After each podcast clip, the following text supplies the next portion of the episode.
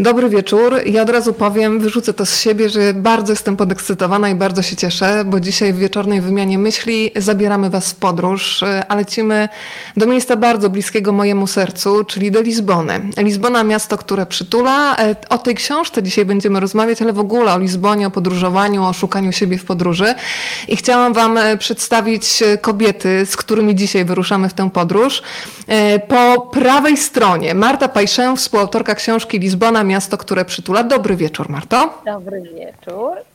A w środeczku między nami dzisiaj Agnieszka Juś, czyli dziewczyna, którą poznałam nie tak dawno temu, podczas jednego z pobytów w Lizbonie.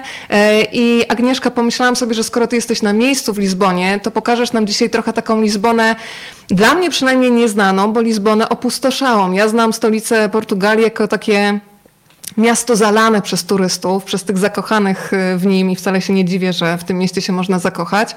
Ale najpierw Agnieszka powiedzmy krótką historię naszej y, znajomości, bo dla mnie to jest dowód na to, że radio ma w sobie absolutną magię. Opowiadaj.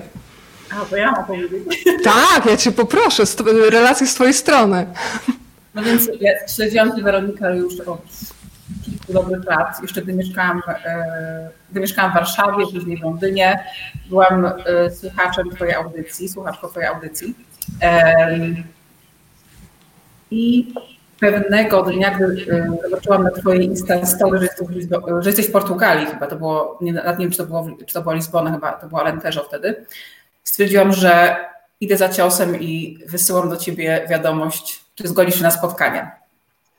Ale chyba wcześniej, y, jeszcze gdy prowadziłaś audycję, wysyłałam do ciebie y, też y, korespondencję mailową z, jakimiś pytaniami o twoje wrażenia z, z Portugalii, bo już wiedziałam, że, że jesteś fanką.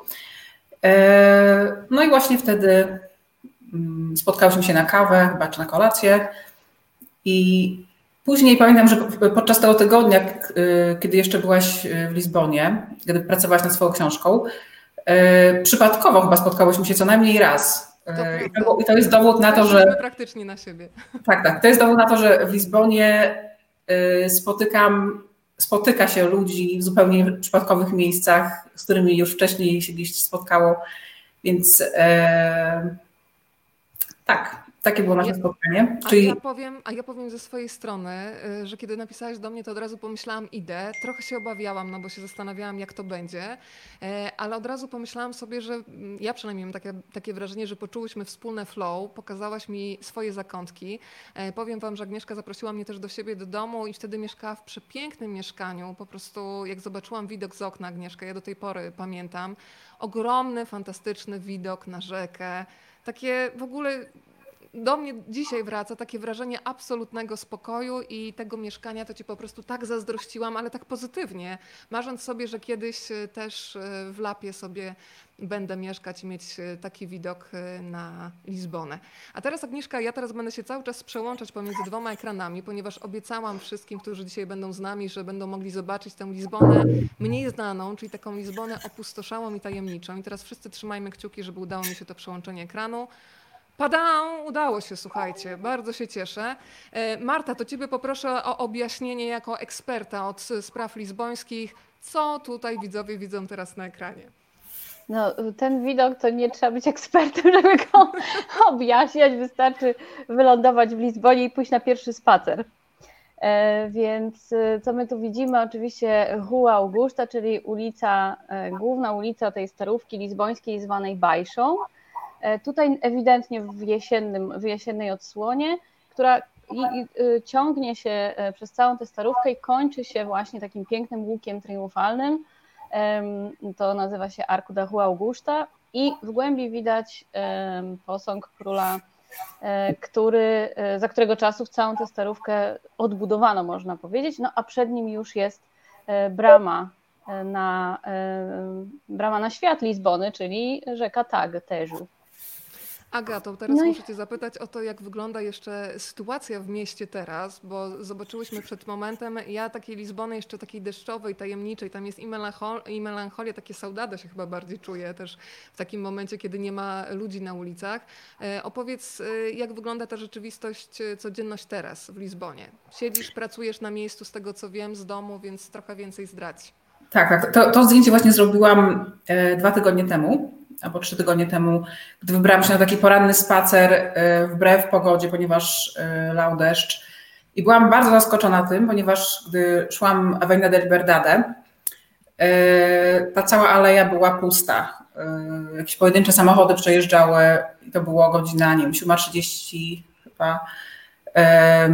Właśnie to jest też jedno z tych zdjęć, więc było to takie, e, był to spokój, ale też jakiś smutek, e, bo to nie jest to miasto właśnie, które, w którym przebywam na co dzień. Jest to trochę inne i myślę, że e, takiego miasta albo takich zdjęć nie da się zrobić nawet niezależnie od jakiejkolwiek godziny w normalnym czasie w Lizbonie, więc jest to.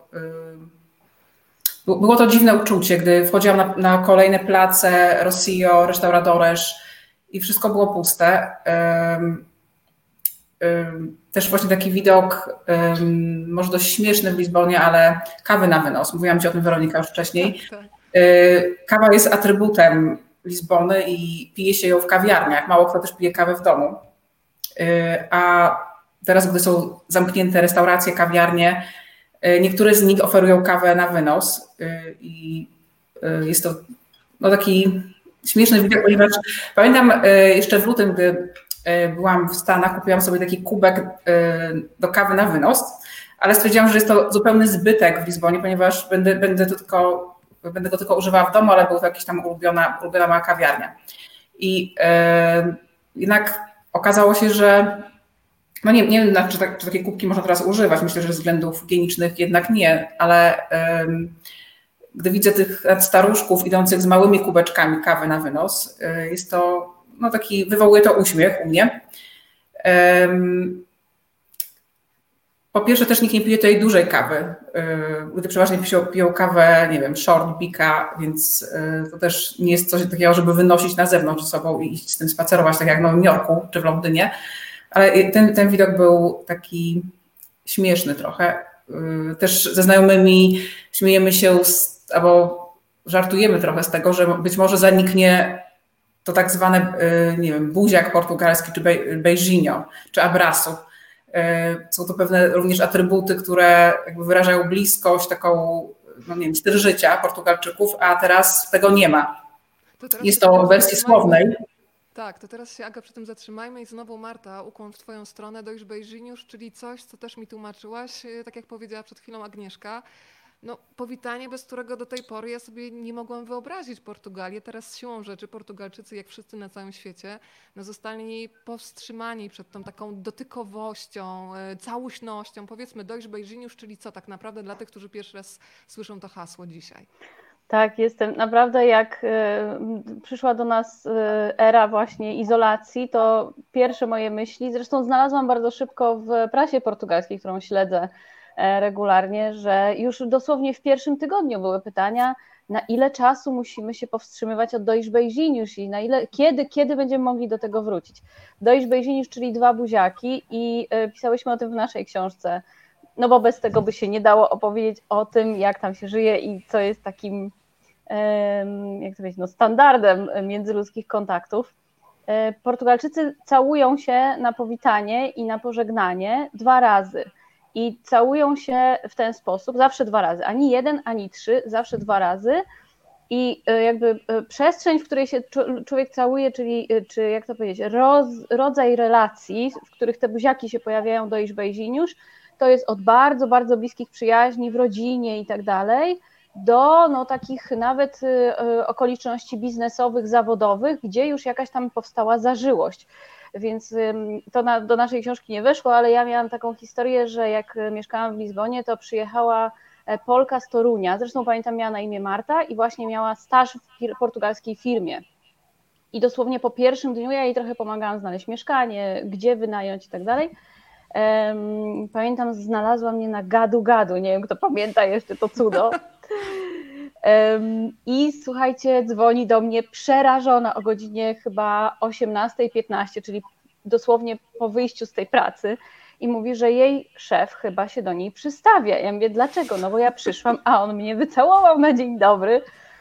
I, i no tak, w hierarchicznych jest... korporacjach w Polsce raczej takie powitanie nie wchodzi w grę, prawda? Tak, więc a, a u nich to jest często wyraz takiej, oczywiście nie wszędzie tak jest i tam też jest duża hierarchiczność w firmach i oni bardzo lubią się tytułować senior inżynieru, senior prezydent, senior taki, siaki, owaki. Natomiast y, no, w wielu organizacjach jest to forma pewnej zażyłości, a no, no i tak y, unikać tych dwoich do Beijing już zawsze było widziane jako coś w złym guście i na przykład jak ja przychodziłam, nie wiem, y, rano zawieźć mojego syna do moich teściów i mój teść akurat wychodził gdzieś tam, świeżo oblany litrami wody kolońskiej i ja po prostu musiałam mu dać dojść Beijing, to ja potem tą wodą kolońską pachniałam no, do godziny 13, kiedy poszłam na lunch. Także ale ja sobie myślę, że oni wrócą do tego bardzo szybko, że to wróci y, w jakiejś formie. Mm, oni, to są takie rzeczy, które u nich są bardzo, bardzo y, ważne społecznie i też społeczne rzeczy chyba najtrudniej będzie im gdzieś tam wyeliminować. Dziewczyny, no to teraz Agnieszka, patrzę w Twoją stronę. Jak z Twojej perspektywy, czyli jednak Polki, wygląda na przykład y, takie podporządkowanie się pod te wszystkie zasady, no nawet nie lekkiego, ale porządnego reżimu, ograniczeń w Portugalii? Gdybyś miała porównać, no mogę Ci powiedzieć, jak to wygląda w Polsce. No wygląda na to, że chodzimy w maseczkach. Mam wrażenie, że jednak trochę jest rozluźniona już teraz lekka atmosfera, co no, może budzić pewien niepokój, ale zastanawiam się, na ile Portugalczycy się dostosowali do tych wszystkich zmian, które wprowadziło państwo. Z takich obserwacji laika, kogoś, kto po prostu jest w środku i widzi, jak wygląda codzienność. Byłam zdziwiona tym, ponieważ dostosowali się bardzo szybko. E, wydaje mi się, że miał trochę efekt, e, miał na to, miała na to wpływ Hiszpania i zasada porównania, że nie damy sobie rady, jeśli nie zachowamy tych, tego reżimu szybciej albo skuteczniej. Więc bardzo szybko wszyscy.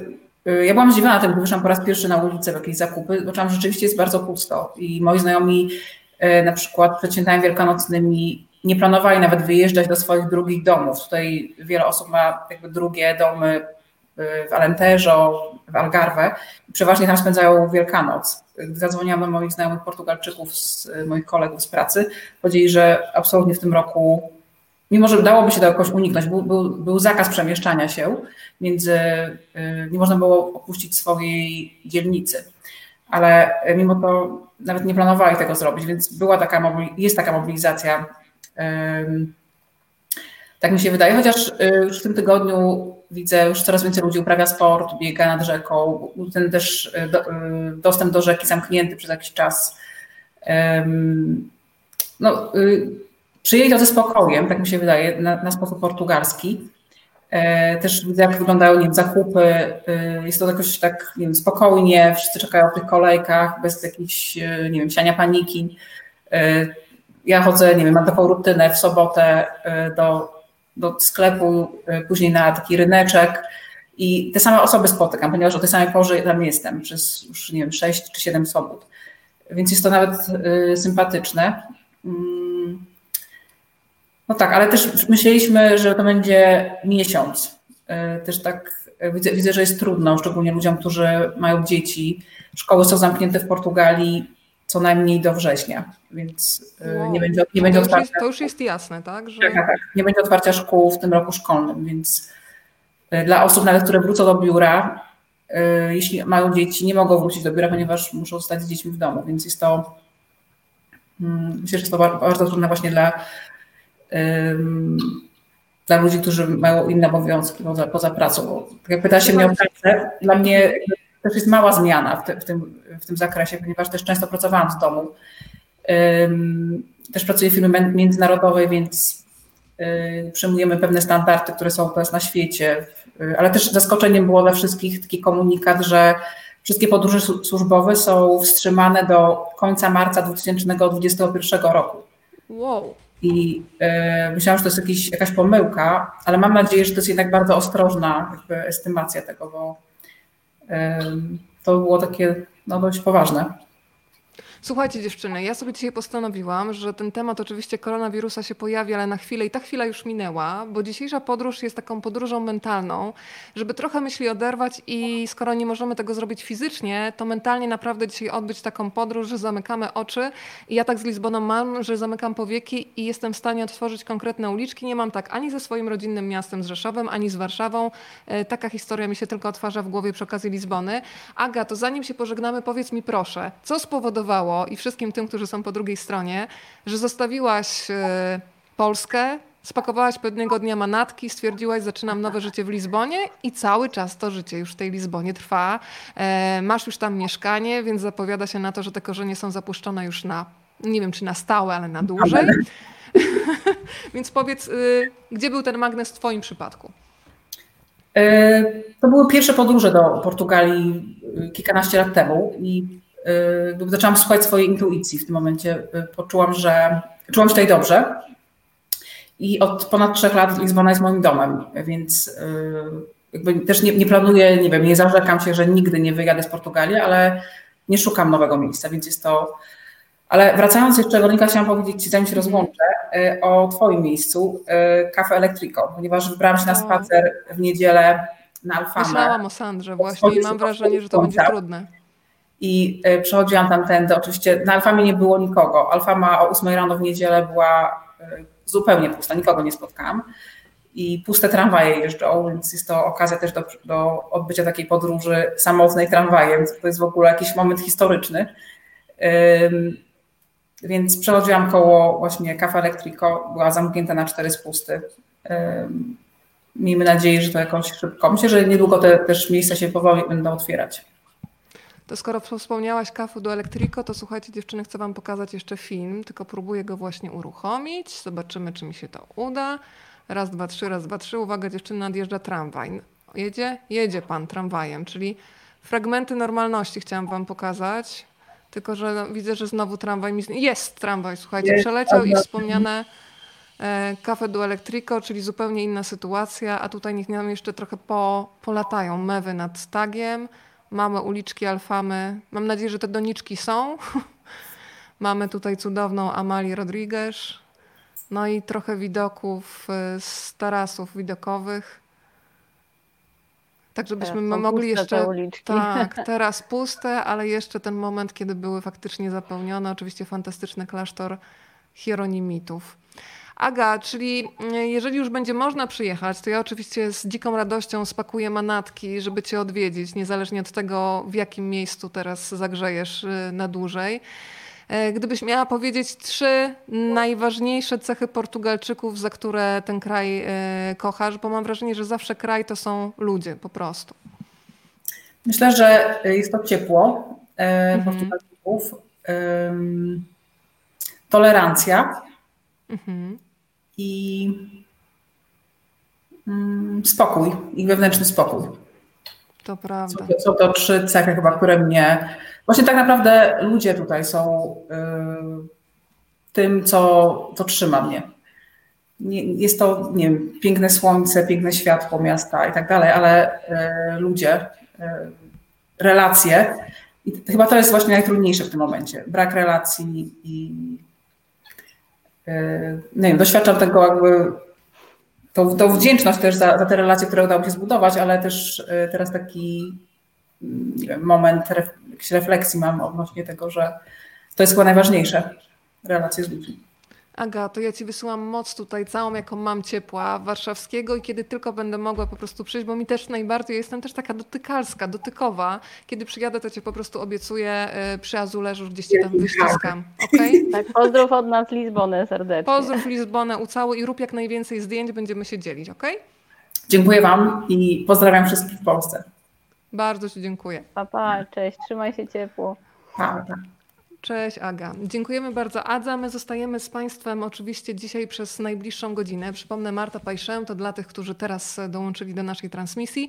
Zapraszajcie swoich znajomych i czujmy się tak, jakbyśmy faktycznie siedzieli przy e, małej kawce, czyli umabika, tak? By to było po portugalsku. Marta? Będę się cały czas No tutaj... ja pewnie bym sobie wzięła jakąś najadlejty, czyli taką filiżankę kawy z mlekiem, żeby na wieczór nie pić takiej mocnej, bo ta umabika to tak do czwartej rano człowiek byłby.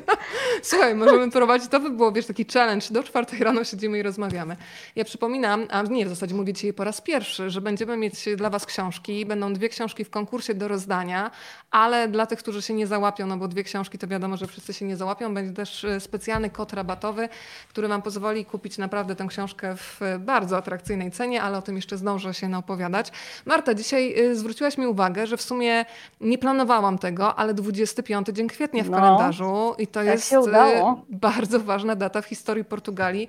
Powiedz, y, co się zapisało pod tą datą 25 kwietnia 1974 roku. Dobrze pamiętam? Mam Tak, nadzieję, tak. że tak. Tak, to jest dzień, kiedy. Dzisiaj czytałam taki felieton w portugalskim tygodniku, że to był dzień, kiedy Portugalczycy dali e, światu e, e, socjalizm, socja, socjalizmowi czerwone goździki, bo to były potem rzeczywiście Mhm. kwiaty, które rządziły w krajach socjalistycznych i były takim stałym elementem. Pamiętam, że potem na zasadzie czkawki w Polsce nikt nie chciał kupować goździków w latach 90. Jest to oczywiście właśnie rewolucja goździków, czyli w 1974 roku, 25 kwietnia, no, odbył się zamach stanu, z- m, po prostu przewrót, który e, obalił wreszcie reżim, e, dyktaturę taką prawicową, która e, rządziła w Portugalii od kilkudziesięciu już można lat powiedzieć, od 30 lat. E, I e, zaczęła się w Portugalii era demokracji. Portugalia zaczęła, Portugalczycy zaczęli budować państwo demokratyczne.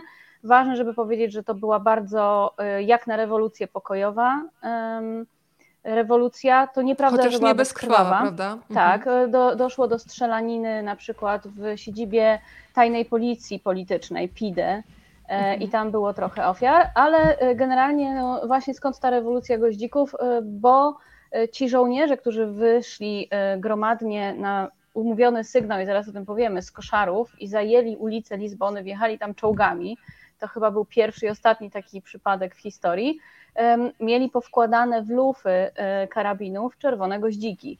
E, No i właśnie Weronika dokopała się do takiej bardzo, kiedy robiłyśmy research do książki, do bardzo ciekawej e, historii, e, niejaka Celeste, tak? Tak jest. która e, była po prostu pracownicą e, kawiarni. E, I tego dnia kawiarnia miała świętować którąś tam swoją rocznicę i mieli gościom rozdawać goździki. Mieli tych czerwonych goździków nakupowanych dużo. No i ona przyszła do pracy i zamknięte drzwi. Mówią, nie ma dzisiaj pracy, bo jest zamach stanu, jest rewolucja, wszystko zamknięte, kazali iść do domu, wojska na ulicach. Mówią, to bierzcie te goździki do domu, bo się zmarnują. I ona z tymi goździkami maszerowała sobie właśnie przez e, Prasa do Carmu, czyli to takie miejsce, gdzie na, najwięcej e, tych e, czołgów się zgromadziło, z tym wielkim naręczem goździków. No i wojskowy ją zapytał żołnierz, czy by go poczęstowała papierosem, a ona mówi, że ona nie pali i może go tylko poczęstować goździkiem. Dała mu taki goździk, a on ją go sobie wsadził w lufę i potem następny, następny, następny. I potem już rzeczywiście to się jakoś rozeszło. E, No, trzeba powiedzieć, że rewolucja 25 kwietnia była e, w Portugalii przeprowadzona za sprawą mm, no, ruchu socjalistycznego i też partii komunistycznej. Oni potem wprowadzili, e, do, czy dążyli do demokracji, natomiast właśnie ten socjalistyczny rys tych czerwonych goździków był. I teraz bardzo ważna ciekawostka, bo zastanawiałam się, zwykle, słuchajcie, to jest tak, że 25 de Abril to jest tak, zgromadzenie narodowe w parlamencie. Tam się dzieją w ogóle zwykle cuda. Są przemówienia, przemówienia głów państwa, e, są specjalni goście, też i występy e, artystyczne, e, są spotkania czy specjalne gale w różnych miejscach, koncerty. No generalnie coś, co można powiedzieć należy do epoki sprzed koronawirusa. I co oni dzisiaj zrobią? I no A zobacz, Agnieszka, właśnie, właśnie Agnieszka napisała, bo to od No. razu Państwu muszę nawigować tutaj, że Dawaj, dawaj. mm, Tomek przed chwilą właśnie pytał, czy były jakieś minimalne obchody i Aga odpisuje, był tylko mini koncert na Avenida de Liberdade, ale bez widowni. Tak, więc widziałam, że był pan, który z gigantyczną, wielką flagą Portugalii przemaszerował przez całą Avenida de Liberdade od y, Praça do Marquês de Pombal w dół, więc to była defilada. E, I wiem, e, i teraz tak, e, piosenką taką rewolucyjną, najbardziej emblematyczną, to jest Grandula Villa Morena. Zresztą tę piosenkę też wykonuje Edyta Geppert, łatwo ją znaleźć. To była piosenka, która była tajnym sygnałem, który poleciał w radio do tego, żeby wojska wyszły z tych koszar. E, I e, dzisiaj z balkonów w różnych miastach Portugalii i w Lizbonie ludzie po prostu śpiewali to. E, Ja cały czas szukam jeszcze filmików, bo to Mhm. pewnie zaraz trafi do sieci, ale ludzie śpiewali Grandula Villa Morena właśnie. Żeby uczcić tą rewolucję. Skoro mówisz o tym śpiewaniu na ulicy, to powiem Ci, że ja dzisiaj miałam taki moment na Saskiej Kępie, powstała nowa izraelska akurat restauracja i na balkonie wyszedł pan i cudownie śpiewał trochę po polsku, trochę po angielsku. Ludzie widać, że łakną w ogóle kontaktu, ponieważ wszyscy w przepisowych odległościach się ustawili, ale z ogromnym aplauzem i złapałam się na tym, e, że byłam bliska poryczenia się, bo tak mi brakuje chyba ludzi, ale to była też taka namiastka tego, że właśnie w Lizbonie muzycy, którzy siedzą na ulicy, ludzie, którzy śpiewają, którzy się spontanicznie gromadzą i klaszczą, to jest tak naturalne, że pomyślałam sobie, o, namiastka Lizbony na Saskiej Kępie, tak sobie to wiesz, e, przetłumaczyłam. Ania pisze, dziewczyny, zainspirowałyście mnie do podróży do Portugalii, zapamiętam e, ją na długo, miasto z dystansem. Pojechaliśmy z mężem na urlop, dzień przed zamknięciem granic wróciliśmy do Polski, Portugalia, moja definicja szybkich decyzji. Dziękujemy. Uściski, bardzo się Ania cieszę. E, dostałyśmy sporo takich informacji, że książka Lizbona, miasto, które przytula, faktycznie została zamieniona na bilet. E, I taka była nasza intencja, żeby ta energia dobra i taka chęć doświadczenia tego miasta mm, przez, przez siebie po prostu, e, żeby to się udało, więc bardzo Wam dziękujemy za te wszystkie maile. Marta, e, to ja muszę Cię, mm, będę pokazywać w międzyczasie jeszcze trochę zdjęć. Mam też tutaj trochę filmów przygotowanych. Powiedzmy może trochę o tym miejscu, które. O, teraz zaraz tutaj sobie ustawiam zdjęcie i zaraz tutaj, wiesz, muszę tutaj nawigować, uda się czy nie uda. Na prawie się udało. O, udało się. Gdzie jesteśmy, Marta? E, ostatnio na moim profilu e, na Facebooku e, wrzuciłam taki filmik, który znalazłam w sieci. Przejażdżka właśnie tramwajem 28 po Lizbonie, bo tak jak mówiła tak. Jak mówiłyśmy Agnieszka. przed chwilą, mhm. tak, Agnieszka, to można się przejechać takim pustym tramwajem i ktoś piękny filmik nakręcił z tym. No i właśnie jedzie się całą Lizboną do samego końca, przez te stare części, e, a e, kończy się właśnie w tym miejscu, które widzimy na zdjęciu i ktoś w komentarzu napisał, szkoda, że to się kończy na cmentarzu, więc ja po prostu się ucieszyłam z takiego komentarza, bo to Kocham właśnie pokazuje, że my wszyscy kojarzymy cmentarz, szczególnie w Polsce, jako miejsce bardzo ponure. A to jest cmentarz mm, Cimiteriu Dusz Prezers, czyli w wolnym tłumaczeniu cmentarz przyjemności. E, to jest, e, słuchajcie, największe zgromadzenie chyba cyprysów w ogóle w, w Europie, z tego co wyczytałam, bo mamy tam takie piękne, właśnie jasne alejki, wybrukowane jasnym, e, jasnym piaskowcem i mamy te domki, e, które się nazywają pięknie po portugalsku jazigos i to są takie um, grobowce, w które e, Weronika bardzo trafnie porównała do kuszetek, jakby, jak taka wieczna podróż, gdzie po prostu są półeczki na trumny i tam całe rodziny mogą leżeć, no i rządzą tam koty. Jest, e, no i jest tam po prostu spokojnie, ale przede wszystkim jest tam jasno, jest dużo światła i taki panuje cudowny spokój. Jest bardzo dużo pięknych, e, zabytkowych pomników, pomników znanych osób, związanych e, z historią, z ważnymi momentami w historii Portugalii. Także tam po prostu można pójść na zwykły spacer, można zrobić niesamowite zdjęcia, spędzić trochę czasu. Są tam też osoby, bywają, które E, które szkicują, coś rysują. Ja jako studentka designu też e, uda, udawałam się tam właśnie, żeby robić pracę e, do szkicowania. I, I cóż, no myślę, że to jest takie dobre miejsce na kwarantannę, izolację, na spacer, o ile nie jest tak. zamknięte. To jest przepiękne miejsce, które daje spokój. Te koty w ogóle dla mnie, tak jak napisałam, są takimi bezstrzelestnymi, a jednocześnie bardzo obecnymi strażnikami tego miejsca. Ja wiem, że to dziwnie brzmi i ktoś tu właśnie też napisał cmentarz. No faktycznie tak, cmentarz. Dla mnie to jest takie miejsce, gdzie zawsze w Lizbonie łapię spokój. Jakbym przekraczała granicę z tego takiego tętniącego życiem rozgadanego miasta do jakiegoś takiego spokoju, jakby cię ktoś brał po prostu w spokojne ramiona. No to wychodzimy teraz z cmentarzu, ale może słuchaj Marta, zatrzymajmy się przy tym panu. Ja wiem, że ty lubisz to zdjęcie, więc... Yy, Marquis y, de Pombal. Ja mogę w zasadzie powiedzieć, że od niego się zaczęła w pewnym sensie książka, prawda? Tak, dokładnie bym chciała, zaczę- zaczęłabym od tego zdania, że jakby te, ta, ten moment przy tym Markizie de Pombal spowodował, że, e, że zaczęła się po prostu y, idea książki. To jest główny plac w Lizbonie, można powiedzieć jeden z głównych e, tej takiej nowszej Lizbony. Od niego zaczyna się część Lizbony, ta, która jest starą częścią Lizbony, czyli jest Avenida de Liberdade, która biegnie w dół do Bajszy i dochodzi właśnie do, do rzeki Teżu, a w górę y, jest tak zwana strefa y, Avenida Nowa, czyli nowe aleje. I rzeczywiście od niej, od mm, wielkiego ronda Markiza de Pombal rozchodzą się nowe aleje y, w różne strony, gdzie mieszczą się biura, hotele, banki, jest piękny park Eduardo VII, czyli Edwarda VII, gdzie, uwaga, e, Shakira kręciła jeden ze swoich e, teledysków. Możecie poszukać, który. I jak, jak e... słyszę hasło Shakira, to od razu widzę, wiesz, o, pulsujące tak, tak, ciało. Tak. Absolutnie tak. Zresztą tak, więc ona tam w Lizbonie kręciła jeden ze swoich um, teledysków. No i cóż, a z Markizem de Pombal jest taka historia, że... Weronikę podwoziłam do Lizbony po naszej którejś tam wycieczce gdzieś tam Plażowej. za miasto. Tak. tak. I Weronika y, jest człowiekiem, który chodzi bez przewodnika, bez mapy na azymut. Y, więc wysadzam ją y, w tym miejscu, bo potem robię rądko i jadę w stronę Kelusz-Dwajszu, tam gdzie ja mieszkałam. I mówię, no to tutaj wysiadasz, idziesz prosto Avenida Liberdade i dojdziesz do Bajszy.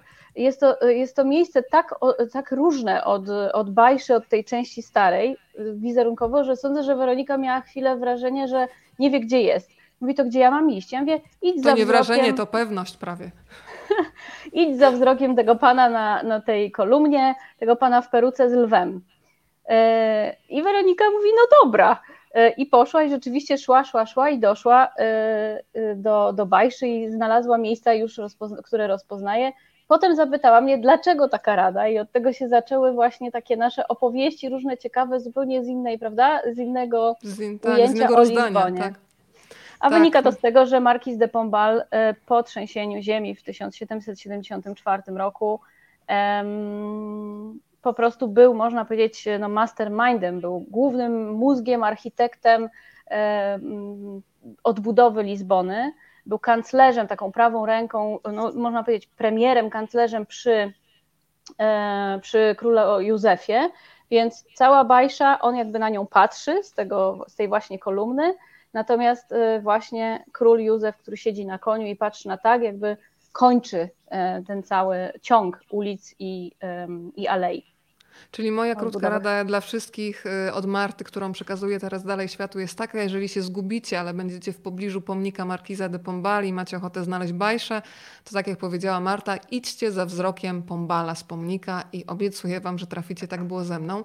Zatrzymałam się Marta przy tym zdjęciu i co uważniejsi, którzy znają książkę, zorientują się, że tego jednego gołębia w książce nie ma. To przy okazji wam zdradzę, że uznano, że ten jeden gołąb biedny z jedną nogą, to może nim tak nie epatuje, więc tutaj mogę wam pokazać zdjęcie w pełni, bo teraz Kotek sobie uświadomiłam... najadł tą jedną nogą i taki odpoczywa. Nie, właśnie tutaj nawet chciałam pokazać na tym zdjęciu, że po prostu Lizbona powoduje, że nawet koty są tak rozleniwione słońcem, że nie ma tutaj myśli ataku. E, o, Agnieszka pisze, Lizbona to mój raj. Nie potrafię tego wytłumaczyć, ale myślę, że jestem stamtąd. Jak ja to dobrze rozumiem, muszę do niej wracać kilka razy w roku, bo tam jestem najszczęśliwsza. Myślę, że kiedyś w niej zostanę. Jakie piękne swoją drogą zdjęcie profilowe tutaj ma Agnieszka, tych całujących się w maseczkach, bo w maseczkach, ale jednak. Słuchajcie, to wędrujemy dalej. E, tutaj takie dość znamienne, e, powiedziałabym, przycisk push the reset the world. To, to tak e, chcielibyśmy trochę zresetować sytuację, żeby wszystko wróciło do normalności.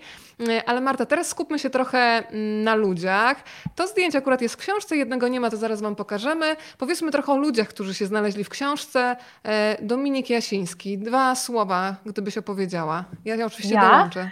Jezu, jestem strasznie szczęśliwa.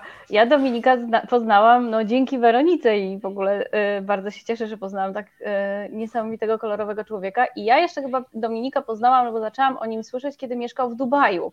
Dominik tak. jest polskim artystą, malarzem, którego pracę, kiedy się zobaczy raz gdzieś, to już rozpozna się ją wszędzie. Y, I mnie strasznie fascynuje w jego pracach kolor, barwa, dynamika i przede wszystkim jak autentycznie prawdziwie, ale też i pięknie pokazuje kobiety. Więc historia z Dominikiem jest taka, że Dominik tak naprawdę pojechał do tego Dubaju, e, żeby e, zbudować sobie warunki i zasoby finansowe do tego, żeby spełnić swoje marzenie i przyjechać do Portugalii e, i spełnić w zasadzie jedno z pierwszych marzeń każdego Portugalczyka, czyli kupić sobie tak zwane monty, Jeżeli wyjedziemy z, z Lizbony na południe, wjeżdżamy bardzo szybko do regionu, który się nazywa Alentejo, który słynie z bardzo dobrego wina, z ogromnego Oj, tak. nasłonecznienia i wszystko tam jest, dzieje się dwa razy wolniej.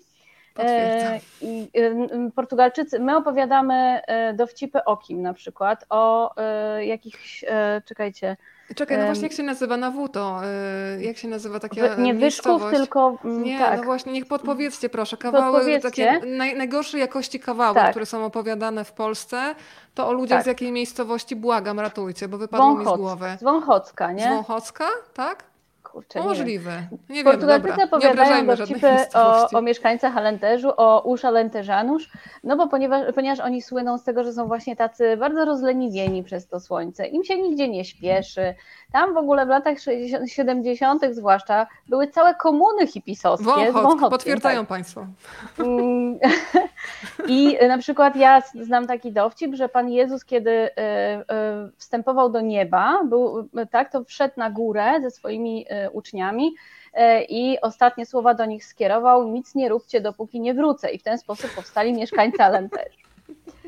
Więc Alenteżu, ale Alenteżu to jest taka, taki spokój, a, a tam jest natura y, absolutnie niesamowita. Tak, e... muszę o tej naturze od razu, słuchajcie, powiedzieć, bo mi się wyświetliły kadry, z, miałam przyjemność mieszkania u Dominika. Wpadłam na tydzień, zasiedziałam się dwa i, i bardzo Dominikowi, Dominikowi za to dziękuję, ale ponieważ była gościnność i serdeczność, więc ja nigdy nie odmawiam w takich sytuacjach. I po pierwsze, nigdy wcześniej nie widziałam tak rozgwieżdżonego nieba, bo jednak żyjemy wszyscy jednak w, w większości w miastach e, i jest tyle takich rozpraszaczy światła, że tego nieba z gwiazdami nie widać. Tam wystarczyło wyjść przed dom e, i ja musiałam sobie oświetlać telefonem, żeby w ogóle dojść, trafić do domu. Było tak ciemno, ale przez to było też fantastycznie widoczne gwiazdy.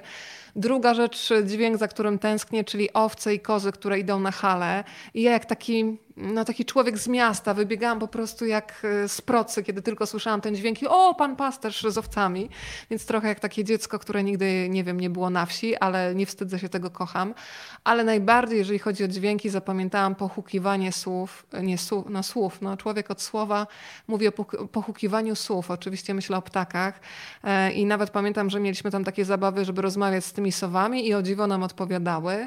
E, no i absolutnie się zakochałam w drzewach korkowych, które które miałam takie wrażenie, jakby wyglądały jak takie drzewa, które mają kombinezoniki, które są częściowo tylko rozsunięte. E, I, i, no i też pamiętam z Dominika mm, opowieści, ale też tego, co widziałam na miejscu, że stworzył na przykład insekty dla owadów. Więc to życie co ja hotel, hotel insekty? dla insektów. insekty dla owadów. Oj, widać, że tutaj wspomnienia chyba mi coś w głowie zawróciło. Oczywiście hotele dla insektów, dla owadów, e, gdzie te małe robaczki mogą sobie żyć, więc dla mnie E, zatrzęsienie roślinności, owoców, warzyw, które on ma zresztą u siebie na działce, robi konfitury, no absolutna błogość, a to miejsce, w którym teraz jesteśmy w pewnym sensie, Marta, muszę cię tam kiedyś zabrać, tak. ponieważ tam jest tak śmiesznie, tak muszę powiedzieć po prostu śmiesznie, ponieważ to, w jaki oni mają ze sobą kontakt, jak wygląda obsługa, ja po prostu siedziałam przy stoliku i płakałam prawie ze śmiechu. E, w tle tam widzicie Antonio, e, to jest e, też jeden z właścicieli knajpy, a tutaj Georges. Więc Dominik nam opowiedział, krótko mówiąc, o tym, jak to jest w Alenteżu, ale tutaj jeszcze, a skoro jesteśmy tego zdjęcia akurat nie ma w książce, ale tego pana mm. poznałaś e, w Polsce. Teatr So. Tak. E, powiedzmy Sergiu. trochę. Powiedzmy trochę o Sergiu, fantastyczny człowiek. E, mm, zresztą tą energię widzicie na tym zdjęciu i powiedzmy trochę o jego teatrze. To jest, e, to jest właśnie Portugalczyk, który spełnił to marzenie, czyli kupił sobie Monta Lentejano, czyli kawałek ziemi w Alenteżu, bo y, w ogóle region Alenteżu jest taki pagórkowaty, pofalowany, tam są ogromne obszary ziemi uprawnej, ale Alenteżu ma wszystko, ma też y, przepiękne wybrzeże, ma małe miasteczka, ma pyszne jedzenie, bo to, co się poławia w morzu, trafia do tych restauracji, jak najbardziej. Taka, jak to powiedzieć, zapyziała restauracyjka, a tam jest takie owoce morza, takie kraby, takie dobre jedzenie. No więc właśnie Sergiu jest mimem, jest ma teatr jednego aktora, który się nazywa Teatru So, czyli teatr tylko albo teatr sam można przetłumaczyć, bo So to znaczy jestem sam. I występuje. I no, oczywiście Weronika też mi opowiada, oni są sąsiadami z, z Dominikiem. Z Dominikiem tak. Dominik tam ma piękny dom, ale taki, słuchajcie, postawiony w ogóle w stylu, który ja kocham, drewniany, taki rustykalny, prosty i tam ma swoją pracownię, no idealne miejsce. I rzeczywiście rozumiem to, to zakochanie. Sergio jest jego, jego sąsiadem, sąsiadem. a myśmy Sergio... Poznałam Sergio, poznałam jego tak. fantastyczną tak. żonę, która jest rzeźbiarką, fantastyczne dzieciaki i takie, właśnie jak to oddać, takie bycie w społeczności i ten rodzaj takiej no, ciepłej serdeczności, to też jest zresztą niezwykły wydok, że nie wiem, mężczyzna z mężczyzną też w Lizbonie, e, ludzie się witają serdecznie, tam nie ma takiego dystansu jak u nas i to kocham. Ale powiedzmy trochę może o tym jeszcze, Marta, bo przypomina mi się, ja też y, poznałam Sergio wcześniej w, w Lizbonie, ale dopiero w Polsce mogłam zobaczyć jego spektakl. Byłam absolutnie absolutnie też poruszona tym, jak można bez słów opowiedzieć na przykład historię o odchodzeniu, o ponownych narodzinach, o strachu przed odchodzeniem, o starości. No absolutnie no, Sergiu, się na to, że e, mam łzy w oczach. Tak, Sergio stworzył, to była taka e, jak to powiedzieć, miniatura e, teatralna, pantomima na szczudłach. I wyobraźcie sobie jednego aktora, teatr jednego aktora, który w ciągu, ile to trwało, 20 minut, tak. pokazuje trzy pokolenia. Mhm. Pokolenie dziadka, ojca i syna, pokazuje właśnie to starzenie się e, i rzeczywiście wzbudza e, łzy w publiczności, która nie mówi jego językiem. E, mhm. Czyli wśród Polaków byliśmy na festiwalu w Orońsku, w Oruńcu, Ja też już zapomniałam, jak się nazywa. Chyba Orońsko, ale zaraz sprawdzę, słuchaj, żeby tu nie było To jest wstydu. taka organizacja bratnia do y, Muzeum Zachęty. Orońsko, pod, Orońsko. Orońsko, pod. Orońsko, tam jest Centrum Rzeźby Polskiej fantastycznej. Tylko cały czas przekręcałyśmy nazwę, ale to Centrum Rzeźby Polskiej polecamy też, bo tam warto y, zajrzeć w każdym momencie, nie tylko przy okazji portugalskich klimatów, no ale było obłędnie. Marta, to wylatujemy z Orońska znowu do Lizbony, no i jedna z y, takich kobiet, bez której nie sposób nie mówić o Lizbonie, czyli Amalia. Powiedzmy trochę ją Amalii dzisiaj. E, Amalia Rodriguez. To jest w ogóle piękny pomnik Amalii. No to jest taki ciekawy moment, zastanawiam się, w momencie się zastanawiam. Amalia była e, oczywiście e, królową fadu, była fadystką, można powiedzieć diwą muzyki fadu. To jest e, poezja śpiewana, bardzo liryczna, z wielkimi tradycjami w Portugalii, taki pro, produkt eksportowy, e, można powiedzieć też Portugalczyków. Ja porównuję ich relacje z fadu jak nasze relacje z Chopinem to jest ten po, poziom e, jakby wagi dla kultury, ten poziom e, przywiązania, ale to też nie słuchamy Chopina na co dzień, ale gdzieś jak Mazurek poleci albo coś, to od razu, szczególnie to nasze, to nasze. Jak jesteś za granicą ekspatem i gdzieś usłyszysz po prostu Mazurka czy coś, to naprawdę czujesz to, czujesz to w duszy. Więc z fadu mhm. jest tak samo i, i, i, ci, którzy kochają Portugalię, chyba też tak mają. Jesteśmy takimi ekspatami, y, nie wiem, y, adaptowanymi. Ja bardzo lubię to zdjęcie, y, bo ono jest takie frywolne, ale tutaj jest, jak się nazywa ten pan z disco polo polskiego? A ty, a ty stwierdzisz, że to jest Sławomir na tym tym, tak? Znaczy to nie jest Sławomir, Sławomir ale ten pan zdecydowanie wygląda jak Sławomir. Tak, ja Marta też uważam, widzi jeszcze... Ta... Marta uważam, że ta sardynka jest narysowana nie bez kozery w takiej formie, ponieważ fadu powstało, y, ono było śpiewane przez kobiety y, lekkich obyczajów, między innymi też y, w takich taszkach, w barach przyportowych.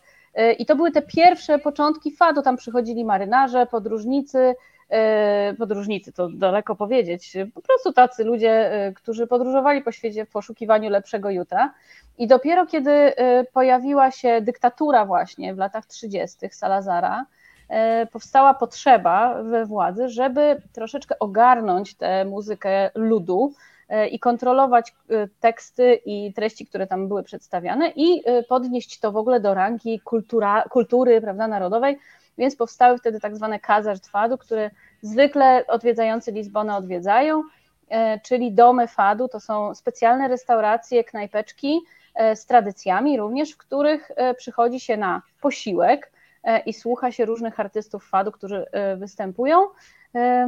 No i e, wtedy w czterech ścianach było można lepiej nasłuchiwać, co tam opowiadają. No a mm, Amalia Rodriguez wyniosła fadu na areny międzynarodowe i potem te tradycje jej kontynuowały inne fadystki, między innymi Mariza i tak dalej, i tak dalej, współczesne, to jest nowe pokolenie.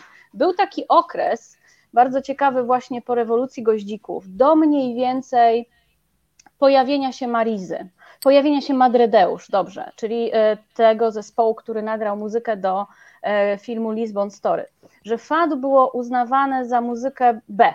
Nikt tego nie chciał słuchać, e, było odrzucone, ale znowu to była czkawka, ponieważ czkawka poreżimowa, bo w czasie reżimu to była bardzo mocno promowana muzyka narodowa, tam ta narodowość była e, mocno pompowana, mocno e, propagandowo jakby wciskana ludziom, no i nie było to, nie pasowało to do nowoczesności 70. lat 80. demokracji, wolności i tak dalej, więc potem pojawił się Madredeusz, przyszło nowe pokolenie i teraz naprawdę możemy się tym zachwycać.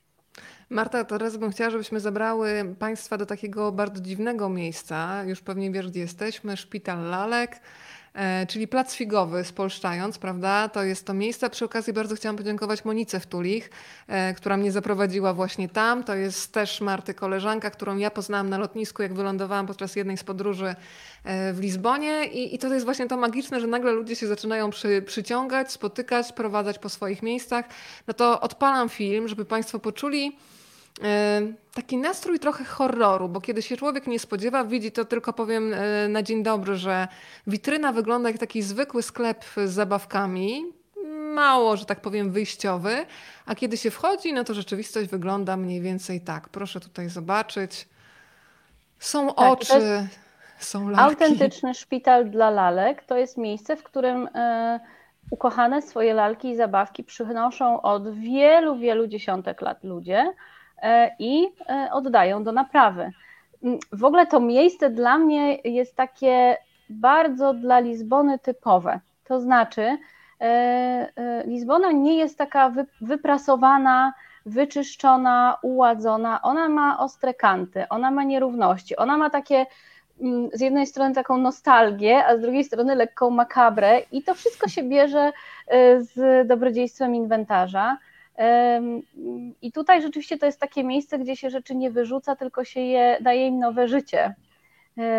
Mimo, że no czasami rzeczywiście takie nagrody, znaczy ja w nocy rzeczywiście bym się tam nie wybrała, powiem szczerze, a wiem, że to na tobie to, to wrażenie też zrobiło Weronika. Tak, ja też pomyślałam sobie, że, że faktycznie, tak jak wspomniałaś, w życiu bym tam nie zasnęła, ale tak naprawdę to miejsce, ten szpital do Lalek stał się takim punktem wyjścia do y, pobawienia się słowem saudady, czyli ja miałam takie wrażenie, to o czym rozmawiałyśmy, pamiętam, że mi pomagałaś tłumaczyć jeden z tekstów z prasy portugalskiej, gdzie ktoś bardzo pięknie napisał, że w tym miejscu ludzie leczą saudadę, czyli coś, co jest połączeniem takiej melancholii, tęsknoty za czasami, które już minęły, bo mam wrażenie, że te zabawki dla wielu były takim jedynym łącznikiem z, ze światem, którego już nie ma, na przykład ze światem ich rodziców, dziadków, e, więc e, polecam bardzo, bardzo mocno to miejsce.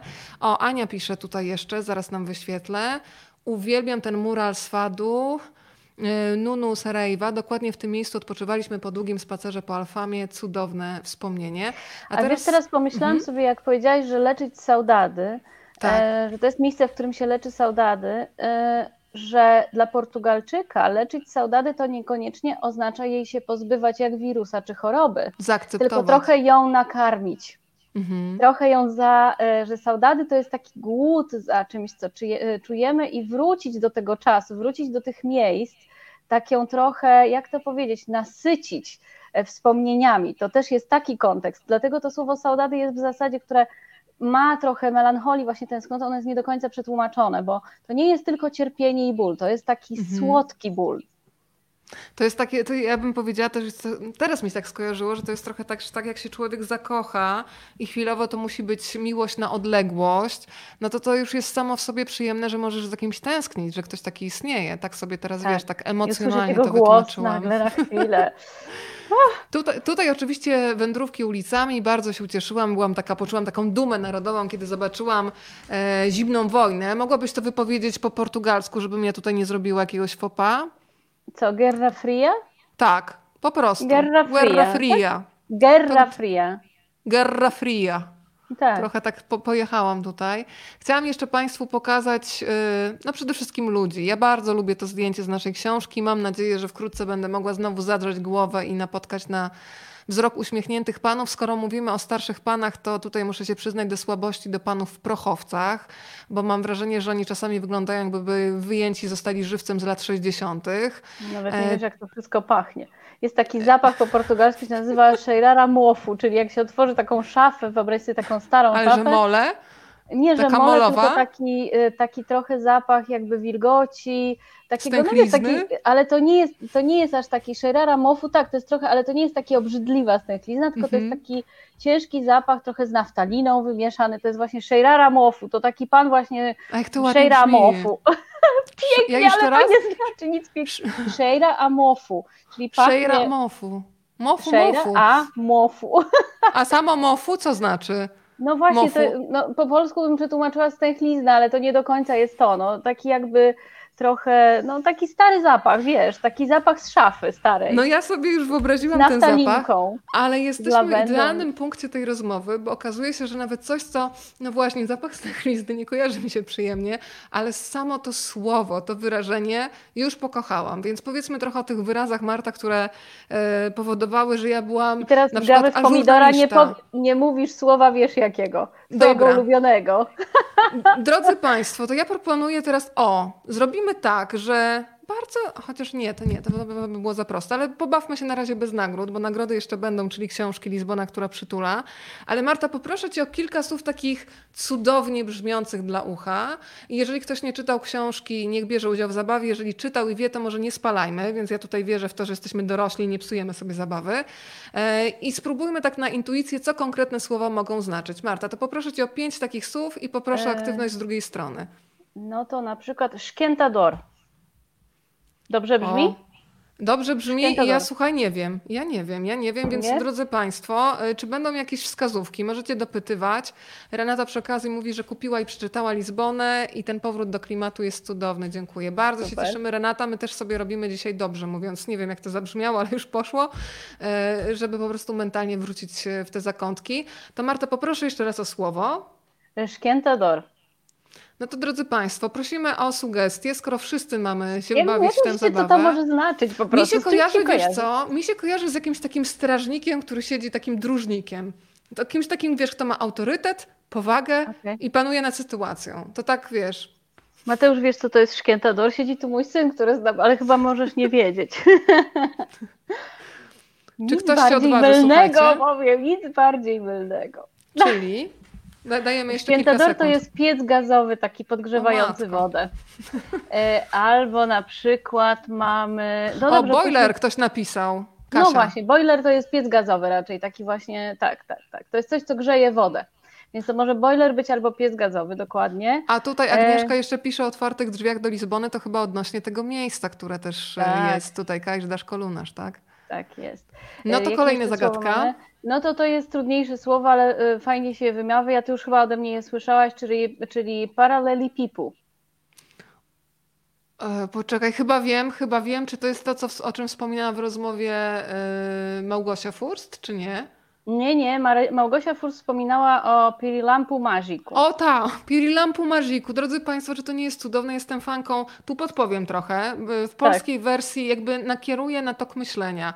E, I na przykład ja kocham nazwę owada, który się nazywa leśniś wapnik albo turkuć podjadek. Jest kilka takich nazw też pająków, które po prostu ubóstwiam i kolekcjonuję nie wiadomo po co, ale wiadomo po co, ale dla ty radości. kolekcjonujesz tylko nazwy. Ty widziałaś kiedyś turkucia podjadka? Tak, na widziałam. Żywo? A, nie, no nie na żywo, na zdjęciach w internecie, Google, wujek Google, natomiast leśniś wapnik naprawdę tak cudownie, te, te, ten nie wiem, pancerzyk, nie wiem jak to nazwać, ale naprawdę ty sobie poszukaj po tym transmisji leśnisia na wapnika i zobaczysz, o czym ja mówię. Ale czyli tak, Pirilampu Magiku, no właśnie, drodzy Państwo, ja już wiem, że to jest robaczek świętojański, tak? Dobrze pamiętam? Tak, świetlik, robaczek świętojański. E, Agnieszka tutaj, słuchaj, Deja do nas dołączyła i pyta, o, czy to słowo, które wypowiadałaś, czy to jest równo... Jezus Maria, nawet po...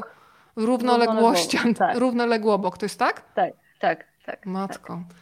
To poproszę jeszcze o jakieś dwa słowa, żebyśmy tutaj e, kontynuowali. Jakieś dwa słowa. A kurczę, to mnie zaskoczyłaś teraz, niech ja pomyślę. No przypomniało mi się, to też słowo e, otokulizmu. Mm, coś mi kojarzy z okultyzmem, wiesz? Okej, okay, z czym jeszcze? jeszcze raz poproszę. Otokulizmu. Otokula. Mhm. To jest mhm. w toalecie. Nie, no będę chodzić teraz z taką przyjemnością do toalety. A teraz takie tak? coś pięknego. No jakoś tak sprzęty domowe mi się kojarzą. Ferro de Ingumar. I jeszcze raz. Ferro de Ingumar. Mm, nie wiem, nie wiem. To w ogóle. Mar mi się kojarzy, wiesz, z morzem gdzieś na końcu, ale to chyba nie. Mhm. No, mamy powitanie ze Szwecji. Witamy. O, ktoś napisał żelazko. Żelazko, dokładnie. A, tak, ktoś tu zna chyba dobre. portugalski. Bardzo dobrze. To zupełnie brzmi jak po czesku ten robaczek. To ja poproszę jeszcze tego robaczka, tego świętojańskiego. Pirilampu magiku, tak. Pirilampu magiku. A czekaj, ja sobie tą spłuczkę muszę zap- za... Nawet wiesz co, nawet gdyby się teraz spłuczka zepsuła, to ja bym miała dobry humor. To poproszę. E, nie miałabyś dobrego humoru, bo mi się zepsuła w zeszłym roku. E, auto, mówi się otokolizmu, piszesz auto. Nie, nie, ja chcę tak, jak się wymawia. Otokolizmu. Otokulizmu. To od razu Państwu powiem. Tak. Otokulizmu, bo to jest tak, że myśmy też stwierdziły, że bardzo byśmy chciały, żeby Państwo mogli poczuć podczas czytania książki Lizbona miasto, które przytula ten język w ustach po prostu. I jak ja widzę transkrypcję, nawet po angielsku, to czasem myślę, no fajnie, ale ktoś nie jest tak świetnie wyszkolony, jak transkrypcję czytać, to i tak z tego nie skorzysta. Więc namówiłam Martę, żebyśmy zapisywały w e, rozdziale o języku taką najbliżej zbliżoną dla ucha polskiego wersję spolszczoną. Reakcja Marty początkowo była jaka? Zabiją mnie Znaczy to Weronika stwierdziła, że dobrze by było to tak zapisać. Ja mówię, owszem, da się, ale e, no ja, moja mama jest e, romanistką, ja mam całe grono tłumaczy, znajomych, lingwistów, po prostu zostanę powieszona na suchej gałęzi. Ale żyje, jak Nie widać. można takich rzeczy robić. E, bo to trzeba zapisać transkrypcją fonetyczną. No, Całe życie trzeba łamać zasady i to jest najfajniejsze. Polecam. Tak, tak. E, I właśnie, żeby, bo ja też zgadzam się z tym, że portugalski, no zresztą miałyśmy tego, dałyśmy tego popis przed chwilą, to jest przyjemność po prostu w ustach, ten język. Mnie on fizyczną przyjemność sprawia, kiedy mogę nim mówić. I też jeżeli chodzi o całe ciało, w ogóle ekspresję, ton głosu, to się człowiek cały po prostu zmienia. To jest zupełnie inna, słuchajcie. E, I, Otokulizmu. Otokulizmu. Tak, tak, Ale tak, czekaj, to jest taka spłuczka, taka, e, właśnie to jest, przepraszam, Każda. że ja tak wchodzę w ten to, ale okej, okay, bo myślałam, że taka, wiesz, staromodna z góry, której już swoją Każda. drogą dawno nie widziałam. Każda, dobrze. Każda szpłuczka otokulizmu. No i y, więc tak, i bardzo się cieszę, że y, w tym rozdziale o języku pozwoliłyśmy sobie na to, żeby, żeby złamać te zasady, takie święte zasady lingwistów i pozwolić Państwu, naszym czytelnikom e, po prostu zrobić sobie przygodę i pod nosem, czytając naszą książkę, powtarzać te słowa, a nagrodą na wszystko było to, kiedy, e, no, można powiedzieć, ikona w tej chwili warszawskiej iberystyki i portugalistyki, pani profesor Anna Kalewska, dorwała się do naszej książki, po czym nie dość, że chwaliła i powiedziała, że to jest super i ja myślałam, że to będzie drugi moment, kiedy ona e, jakby skaże mnie na banicję i po, bo napisałyśmy, że ja powiedziałam, że Fernando Pessoa, największy portugalski poeta współczesny, był e, hipsterem po prostu portugalskim początku XX wieku, a pani e, profesor powiedziała, że super, bo to była prawda i poleciła wszystkim studentom pierwszego roku tę lekturę oficjalnie. No ale, ale, to tam, to, to, że hipster to jeszcze nic, tam był bardziej kontrowersyjny fragment. Był, no gdzie był. pojawiało się tak brzydkie tak słowo. No, prawda? Tak, bo ja, I... tak, tak, tak, tak. No bo Fernando Pessoa był grafomanem, można powiedzieć, pisał bardzo dużo, bardzo dużo i pisał ciężko i trudno i frywolnie i lekko. Pisał Chociaż zdarzały mu się takie, znaczy ja pamiętam, że kiedy czytałam Księgę Niepokoju, to momentami już myślałam, Fernando, błagam cię, to już nie mogę, nuda. I nagle po prostu taka perełka, jedno zdanie, które myślę, nie no dobra, warto było spędzić trzy godziny, żeby to jedno zdanie po prostu zaczarować. Ale ja od razu mówię, że to nie do końca jest moja bajka, ten mrok, ale, ale zdecydowanie to, co on potrafił robić z heteronimami, o których oczywiście piszemy i myślę, że w taki bardzo przejrzysty sposób tłumaczymy, na czym ta zabawa heteronimami polegała, no to tutaj wielki szacunek powszechczasny. Tak. Tak, natomiast no, jeżeli chodzi o, o, mm, naukę języka portugalskiego, kultury portugalskiej, studenci w ogóle języka portugalskiego, y, uczniowie szkół średnich w Portugalii i w Brazylii, bardzo wyczerpująco y, wgryzają się za sprawą programu i podstawy programowej w twórczość Fernando Pessoa. I rzeczywiście jakoś w tym wszystkim nie dociera się do takich jego utworów i twórczości, e, które pokazują jego taki rys pełen humoru i takiej ironii, sarkazmu, ale takiego naprawdę dobrze wysmakowanego. Ja trafiłam na taką książkę właśnie robiąc research do naszej. Natomiast e, przypomniało mi się, że właśnie w kręgach portugalistów i w ogóle y, uczniów, studentów literatury portugalskiej mówi się, jest takie powiedzenie, że tanto pessoa que até enjoa, czyli tyle tego pesoi, że aż do wyżygu. I ja tak chciałam ładnie powiedzieć, że aż się robi niedobrze, a Weronika nie, musimy napisać dokładnie tak. No bo to przecież traciło właśnie tutaj właśnie to, to zderzenie tej, tej właśnie pompatyczności, tego PSOI z tym konkretem, którego no używamy czasem. My nie patujemy takim językiem, żeby nie było w książce. To jest jeden przykład, który no, pokazuje istotę tego, że można czuć taki przesyt, ale też znalazłyśmy swój sposób, żeby nie pisać o jego literackich dokonaniach y, w jakiś taki pompatyczny, nie wiem, naukowy sposób, tylko pokazać właśnie człowieka z krwi i kości. E, ty między innymi Marta znalazłaś fantastyczne informacje dotyczące tego, jak piękne listy pisał do swoich przyjaciół, bo było wiadomo, że lubił się dobrze ubrać i dobrze sobie też wypić. No więc trzeba się było zapożyczać, bo te pieniądze przecież też ginęły, prawda? E, w szybkim, w szybkim czasie się upłynniały. E, więc... Znaczy, że on nigdy nie, nie zrobił jakiejś rewelacyjnej kariery. Jego pisarstwo nie dostarczyło mu fortuny za życia. Tak. Większość mhm. jego utworów była opublikowana po, a za życia on prowadził taki styl życia. E, on nie był wolnoduchem w sensie takim, że mu się nic nie chciało robić, tylko on zawsze stawiał na takie prace, które mu będą zostawiały przestrzeń i czas, żeby się poświęcać temu, e, co on najbardziej e, czuł, że potrzebuje robić, czyli pisaniu. Więc nigdy nie zrobił jakiejś oszałamiającej kariery i nie robił się fortuny. No ale obracał się w takich kręgach i lubił, lubił się dobrze ubrać i, yy, i kupował dużo książek, więc się zapożyczał. I właśnie znalazłam yy, gdzieś w jakichś opracowaniach listy, które on pisał, drogi przyjacielu, serdeczny, no naprawdę piękne listy prosząc o pożyczenie pieniędzy albo o odłożenie terminu spłaty myślę, że nikomu by nawet powieka nie drgnęła, żeby odpowiedzieć, że nie, bo po prostu trudno odmówić na coś takiego. Więc to było naprawdę fajne, takie odkrycie tego człowieka z krwi kości, tak jak powiedziałaś. Tak jak e, wspominałam na samym początku, wieczorna wymiana myśli polega na tym, że w każdym momencie możecie się włączyć do tej rozmowy, zadawać pytania, do czego z całego serca zachęcam.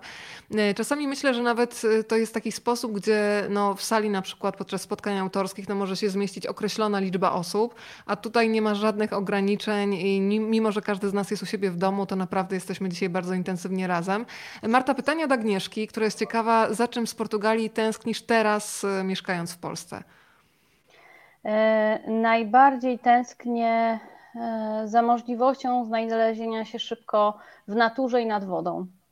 E, mm, bo nawet mieszkając tak. w bardzo zabieganej Lizbonie, po prostu wsiada się w samochód, czy nawet można wsiąść na rower i człowiek w ciągu dosłownie kwadransa czy 20 minut jest nad wielką wodą i może być w takim miejscu, że nie ma ludzi.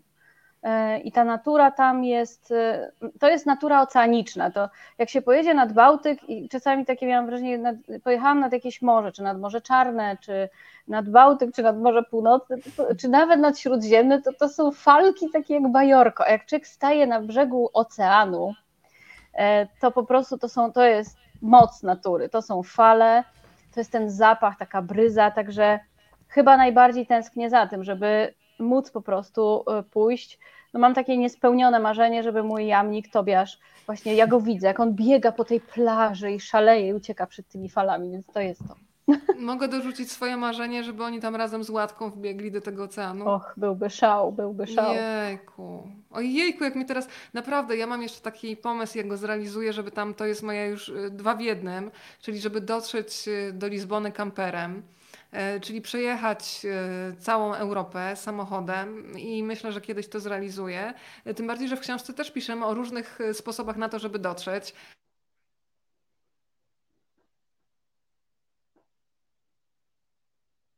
Uj.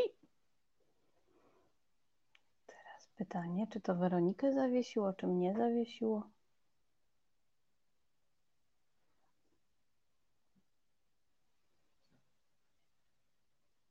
Chyba.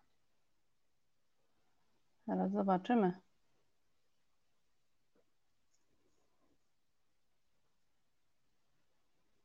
U mnie zawisł. Jest, o, wróciłyśmy. O. Ale było. Ja już tu wzywałam posiłki. Udało się. Ciebie zawiesiło. Mnie zawiesiło. A, czyli Marta była, a ja zniknęłam. A ja tu już prosiłam, Tak. a czy było mnie słychać moje e, rzewne prośby, Nie. czy jestem, czy jest. Nie było, Nie. to może i dobrze, bo tutaj już prosiłam o wsparcie. Tomek, Tomek, Tomek i Tomek już się wychylał, ale bardzo się chciał pokazać, luz. więc się skradał. Guziczek Guzinek luz. To wytłumaczmy, że gu- guziczek luz był czymś, co mnie absolutnie, zresztą Wy, wysyła mi luz. Weronika zdjęcie, a co to znaczy? Ja mówię światło, a Weronika, a, ha, ha, jak śmiesznie, że luz po portugalsku to światło. Tak, bo ja słuchajcie, jak weszłam do kamienicy, to jest zresztą e, zdjęcie z kamienicy Sofii, którą też możecie poznać dzięki książce Lizbona Miasto, które przytula. No i to było niesamowite, bo ja sobie pomyślałam, że kurczę, to jest taki guzik aktywujący taki stan relaksu. No i wiadomo, że to jest zwykłe światło, ale ja od tamtej pory, zresztą słuchaj, Iwonka mnie poprosiła, żebym jej zrobiła takie zdjęcie i sobie też powiesi gdzieś w przedpokoju. E, Iwonka to jest nasza wspólna przyjaciółka, to, to tak dla niej wtajemniczonek, bo tutaj się tak bardzo prywatnie nagle zrobiło. E, Więc tak, to jest guzik luz, więc wrzucam teraz na luz. Dobrze, że wróciłam, chociaż się na chwilę zawiesiłam, wróciłam z, z podróży. E, No to dobra, ja wrzucam na kolejne zdjęcia. E, Pani Natalia jeszcze do nas pisze. Mój mąż z synem przejechali całą Europę do Portugalii. Jak się okazało, że syn nie ma paszportu. Jak lądowałam w Lizbonie, to oni już byli w Berlinie, jechali trzy dni. No więc my w Lizbonie, e, mi piszemy, piszemy w książce na przykład o Piotrze Cieplaku, cudownym reżyserze teatralnym, który pojechał do Lizbony na rowerze.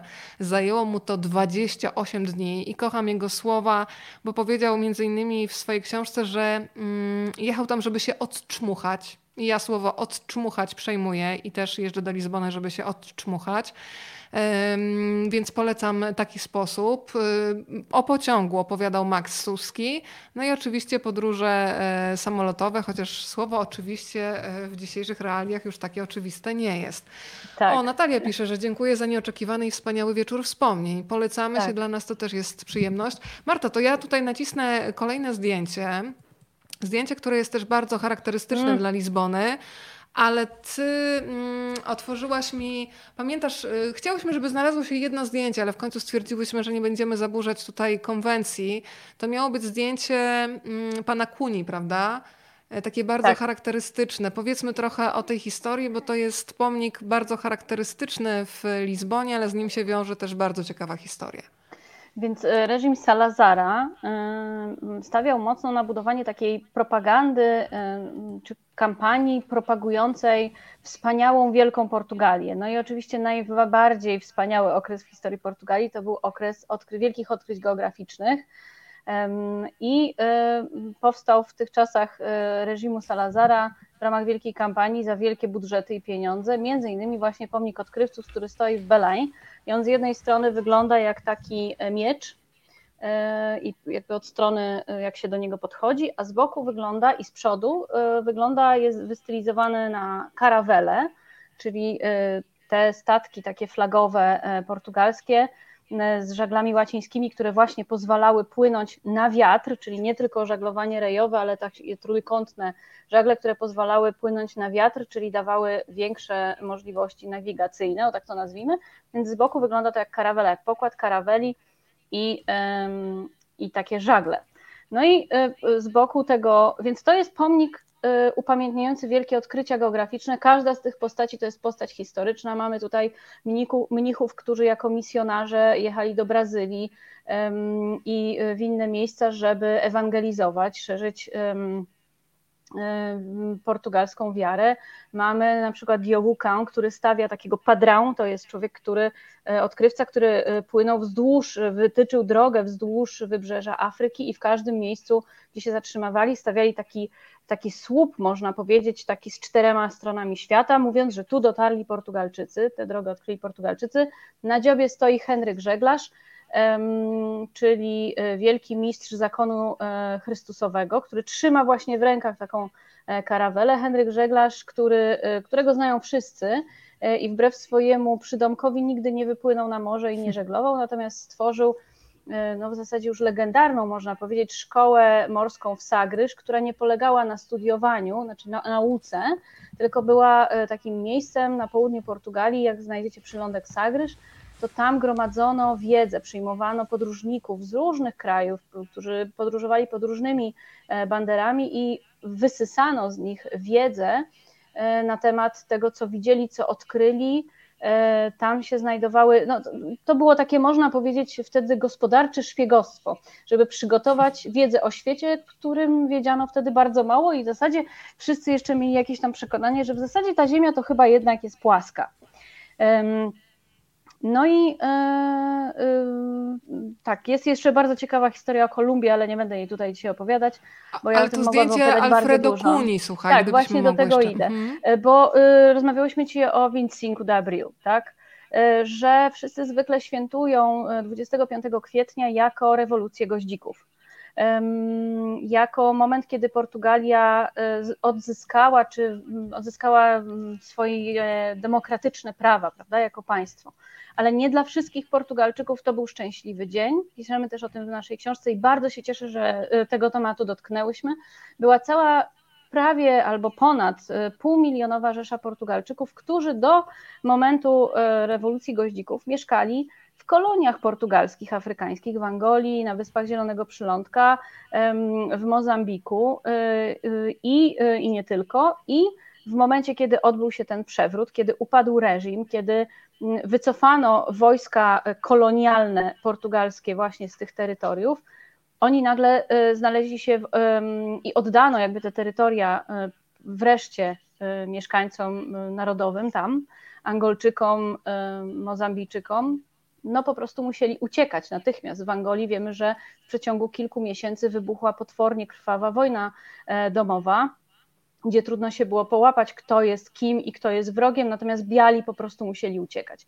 I ci ludzie w wielkim popłochu, między innymi e, rodzina e, mojego byłego szefa, rodzina taty mojego syna, bardzo szybko musieli się ewakuować. Był we wsparciem e, amerykańskiego lotnictwa, był most powietrzny, więc to była gigantyczna akcja ewakuacyjna. I ci ludzie swój dobytek, który byli w stanie z desek, z drewna, które byli w stanie zdobyć. Każda rodzina, wyobraźcie sobie, y, setki tysięcy osób, budowali skrzynie i próbowali tam pakować te najcenniejsze rzeczy. Niekiedy dobytek budowany czy gromadzony przez dwa pokolenia albo i, I o trzy. tym też fantastycznie Tak. pisał Kapuściński w książce Jeszcze Dzień I Życia, że po raz pierwszy właśnie. tak, miasto kamienne, jakim była Luanda w Angolii, zamieniało się w miejsce, w miasto drewniane, tak? Bo to wszystko Tak. y, próbowano pakować w skrzynie i, i jest I takie i jest to zdjęcie, nadziei, tak. że one dotrą. Tak. E, I ja o tych skrzyniach pierwszy raz usłyszałam rzeczywiście od mojej teściowej, bo ja, ona mówi, nic nie, nie, nie byliśmy w stanie przywieźć. Mówi, ja mówię, ona mówi, bo oni wrócili samolotem, a ich dobytek płynął na statku. Ja mówię, to to nie dotarło. Ona mówi, to wszystko zostało wyrzucone niejako z tych statków, było w pośpiechu wyładowywane właśnie na tym wybrzeżu w Belém. E, I, e, I tyle. I potem trudno było to znaleźć, było to rozkradane, po prostu stracili wszystko. No i właśnie jest takie zdjęcie Alfredo da Cunha, które pokazuje dokładnie ten sam pomnik e, z 75 roku, czy 66 już wtedy. On zrobił to zdjęcie, które mm, jest zawalone, otoczone tymi właśnie skrzyniami. Dla mnie to, jak ja zobaczyłam to zdjęcie, to mówię, to jest początek odkryć geograficznych i koniec kolonializmu w jednym, bo dla mnie to Mhm. wyglądało jak e, po mm, sztormie i po rozbiciu statku, który się roztrzaskał o skały, te resztki statku są tak wyrzucane na brzeg. To tak wygląda to na tym zdjęciu. Łatwo je znaleźć e, w internecie, więc to jest takie e, no bardzo mocne zdjęcie, samo w sobie mówi. Wiecie, co jeszcze muszę wam powiedzieć, że dzieją się rzeczy niezwykłe, ponieważ przed chwilą oglądaliście kadry mm, pokazujące ten słynny guzik lóż, czyli y, pokazujący światła. Ja się śmiałam, że to jest guzik, który aktywuje stan relaksu i to jest y, guzik, który znajduje się w kamienicy, w której mieszka Monika, która jest teraz po drugiej stronie w, w Lizbonie. To jest sąsiadka e, Sofii drzwi w drzwi. To jest niesamowite, jak e, można się spotykać. Monika, wysyłam całą masę e, serdeczności dla Was. Pozdrawiamy cię serdecznie. Bo to faktycznie i João, i Olek teraz tam po drugiej stronie. Słuchajcie, ja się czuję teraz, jakbym była w tej kamienicy. Zresztą pamiętam, że przy którymś z pobytów e, zastanawiam się, kto to zrobił. Za, zaciął się zamek. Ja mieszkałam wtedy u Sofii i pamiętam, że jeden z przyjaciół e, przedostawał się przez balkon, tak żeby otworzyć z drugiej strony przez otwarte okno. Byłam pod wrażeniem, ponieważ to jest mieszkanie e, nie na parterze, tylko na konkretnym piętrze. Więc y, sporo wspomnień mi się teraz w głowie uruchamia, ale słuchajcie, mam dla Was jeszcze kolejne zdjęcie. Ja tę historię bardzo lubię i żałuję, że chciałam sobie figurkę pewnego człowieka przywieźć właśnie w maju tego roku, bo tak sobie zaplanowałam, że będę w Lizbonie. A, no proszę. ale plany ja są po to, żeby. Bar... A, dobrze, dobrze. To ja pokazuję zdjęcie. Tutaj zaraz Marta nam się pojawi. Dobra, to pokazuję na razie tak zdjęcie. Marta szuka. E, a ja za chwilę będę. O, tak zrobimy. Jest Marta z ładowarką. Rozgadałyśmy się. E, przypominam, że w każdej chwili możecie dołączyć się z pytaniem. Rozmawiamy o Lizbonie. I teraz uwaga, proszę się skoncentrować. Będziemy rozmawiać o figurce, która znajduje się po e, prawej stronie. Myślę o tym wąsaczu, którego nazwałam, słuchajcie, kudłatym z pralni.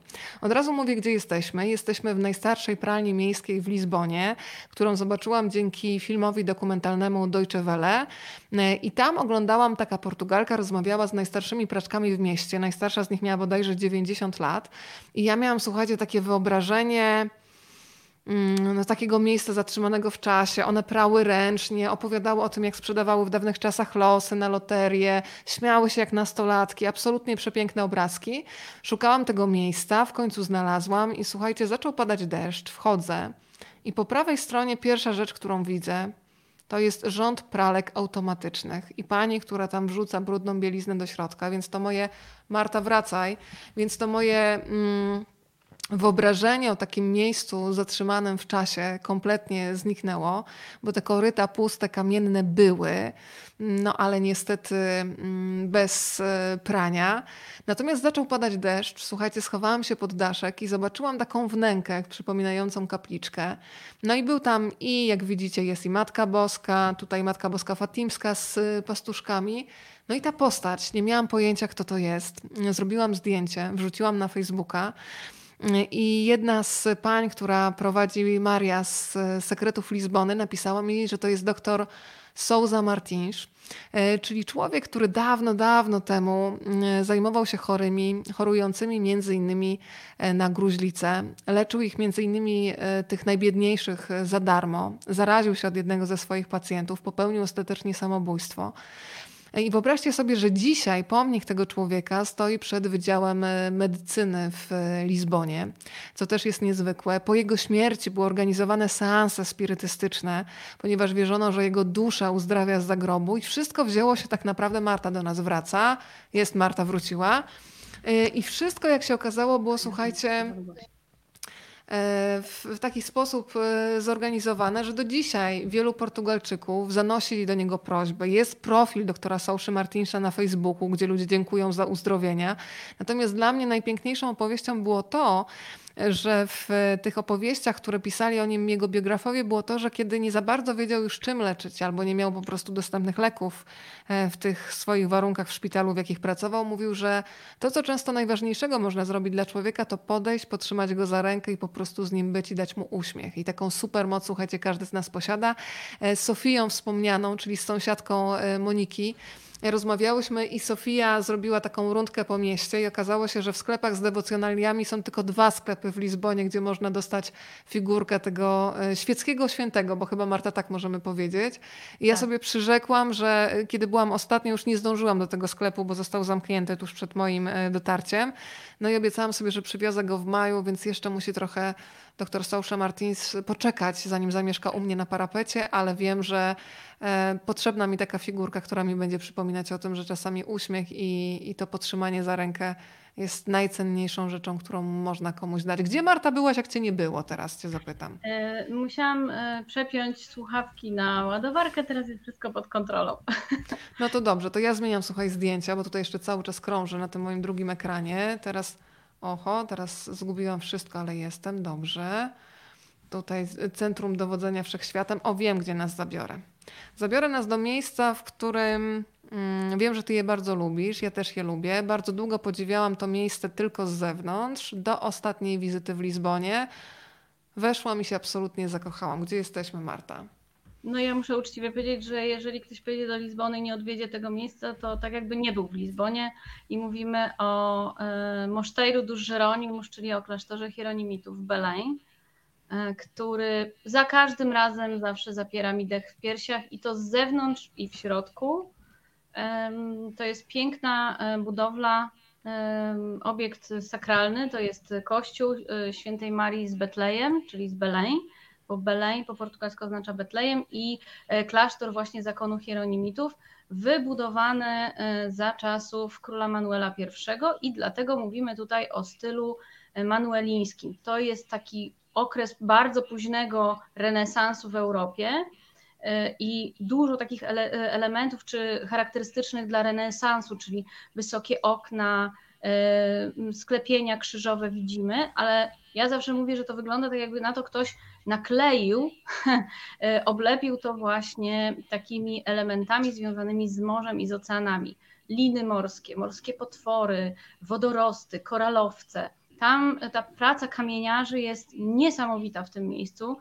Absolutnie cudownym miejscem, bo do kościoła e, można wejść, to jest jedna rzecz. Mm, to jest kościół, który ma, jest bardzo wysoki. E, tam jest też, e, leży Vasco da Gama i leży Camões, prawda? Z tak. jednej i z drugiej strony.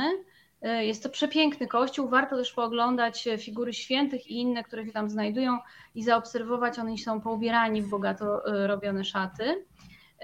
Ja ten kościół znam z tego, że ma niesamowitą akustykę. Kiedyś przyszło mi tam zarezerwować, zorganizować, słuchajcie, mszę, mszę bez organów dla grupy polskich pielgrzymów. E, których przyjmowałam w Lizbonie, e, to była grupa chyba około 40 osób i oni chcieli tam e, na drodze do Santiago de Compostela i do Fatimy odbyć mszę. I w trakcie tej mszy, którą odprawiał ich ksiądz, bez żadnej wielkiej celebry, kobiety, które były w tej grupie, zaczęły śpiewać. Tak jak się śpiewa na polskich mszach. Mhm. I po prostu mnie aż zaparło dech bo to było jakby było z nagłośnieniem, no nie potrafię tego powiedzieć. Drugi moment, kiedy odkryłam to, e, tę akustykę, to było kiedy pracując w ambasadzie, razem z ambasadą organizowaliśmy mszę, uroczystą mszę, mniejsza o to z jakiej okazji, ale okazało się, że wtedy w Polsce był chór akademicki, chyba Uniwersytetu Warszawskiego na jakimś festiwale chórów. I oni właśnie zostali na, przez nas zaproszeni i na tej mszy o, o, o, właśnie oprawili ją e, pięknie pieśniami. No i sami byli zaskoczeni, bo ten głos się, słuchajcie, tam rozchodzi jak 360, hmm. więc to jest jedno. E, a drugie to jest właśnie e, wejście do klasztoru, którego nie należy pominąć, ponieważ w klasztorze są przepiękne krużganki i było widać na jednym z filmików właśnie. Światło to, to światło. Mhm. Tam wszędzie można wejść. E, w ogóle jak ten biały kamień miesza się z bardzo ostro kontrastującym takim ciemnym niebieskim niebem. E, no to są przepiękne miejsca i tam panuje rzeczywiście cudowny spokój. Cudowny spokój i można, ja zawsze lubię tam wejść, ponapawać się trochę z daleka, a potem chodzę sobie powoli i czasami do niektórych miejsc podchodzę tak z bliska, na odległość 10 cm i oglądam szczegóły i zawsze odkryję coś nowego.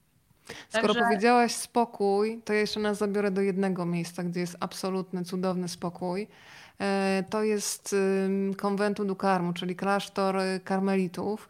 E, ja pamiętam, że mm, dobrze tak e, uprzedziłaś mnie, że warto tam iść w takim momencie, kiedy jest pogoda fantastyczna w Lizbonie, bo czasami są takie e, chwile, ja to nazywam zawieszki, czyli jest taka pogoda, że to niebo nie jest wyraźne, że jest takie szare i białe i wtedy to nie robi aż takiego wrażenia, kiedy jest błękit i lekkie chmury i słońce bo to jest kościół, którego sklepieniem jest właśnie przepiękne niebo Lizbony. Powiedzmy trochę o historii tego budynku, bo to jest kolejny dowód na to, że w Lizbonie nie zapomina się o przeszłości, tylko tę przeszłość się pielęgnuje i ja pamiętam, że to było jedno z tych miejsc, gdzie weszłam, usiadłam sobie na schodach i spędziłam chyba godzinę po prostu siedząc e, i naprawdę czując się, że ile tu już pokoleń było przede mną.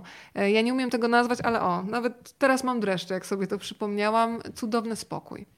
Tak, to jest bardzo ciekawe miejsce, ponieważ jest to w zasadzie chyba jedyna gotycka e, budowla, albo można powiedzieć no ruiny gotyckiej budowli w Lizbonie, e, ponieważ w 1774 roku e, w Lizbonie było wielkie trzęsienie ziemi i w zasadzie została ona zniszczona w większości. I to był klasztor karmelitów, piękny gotycki klasztor, który jak się okazuje, no ta konstrukcja gotycka przetrwała w postaci łuków, Natomiast sklepienie się e, załamało i ktoś rzeczywiście mądrze zdecydował, żeby żeby nie, nie, tego sklepienia nie poprawiać, nie odbudowywać, rzeczywiście, żeby nie było Lizbony, a zostało tutaj dachem a te łuki są takim e, pięknym, spokojnym świadectwem e, tych takich dawnych czasów Lizbony.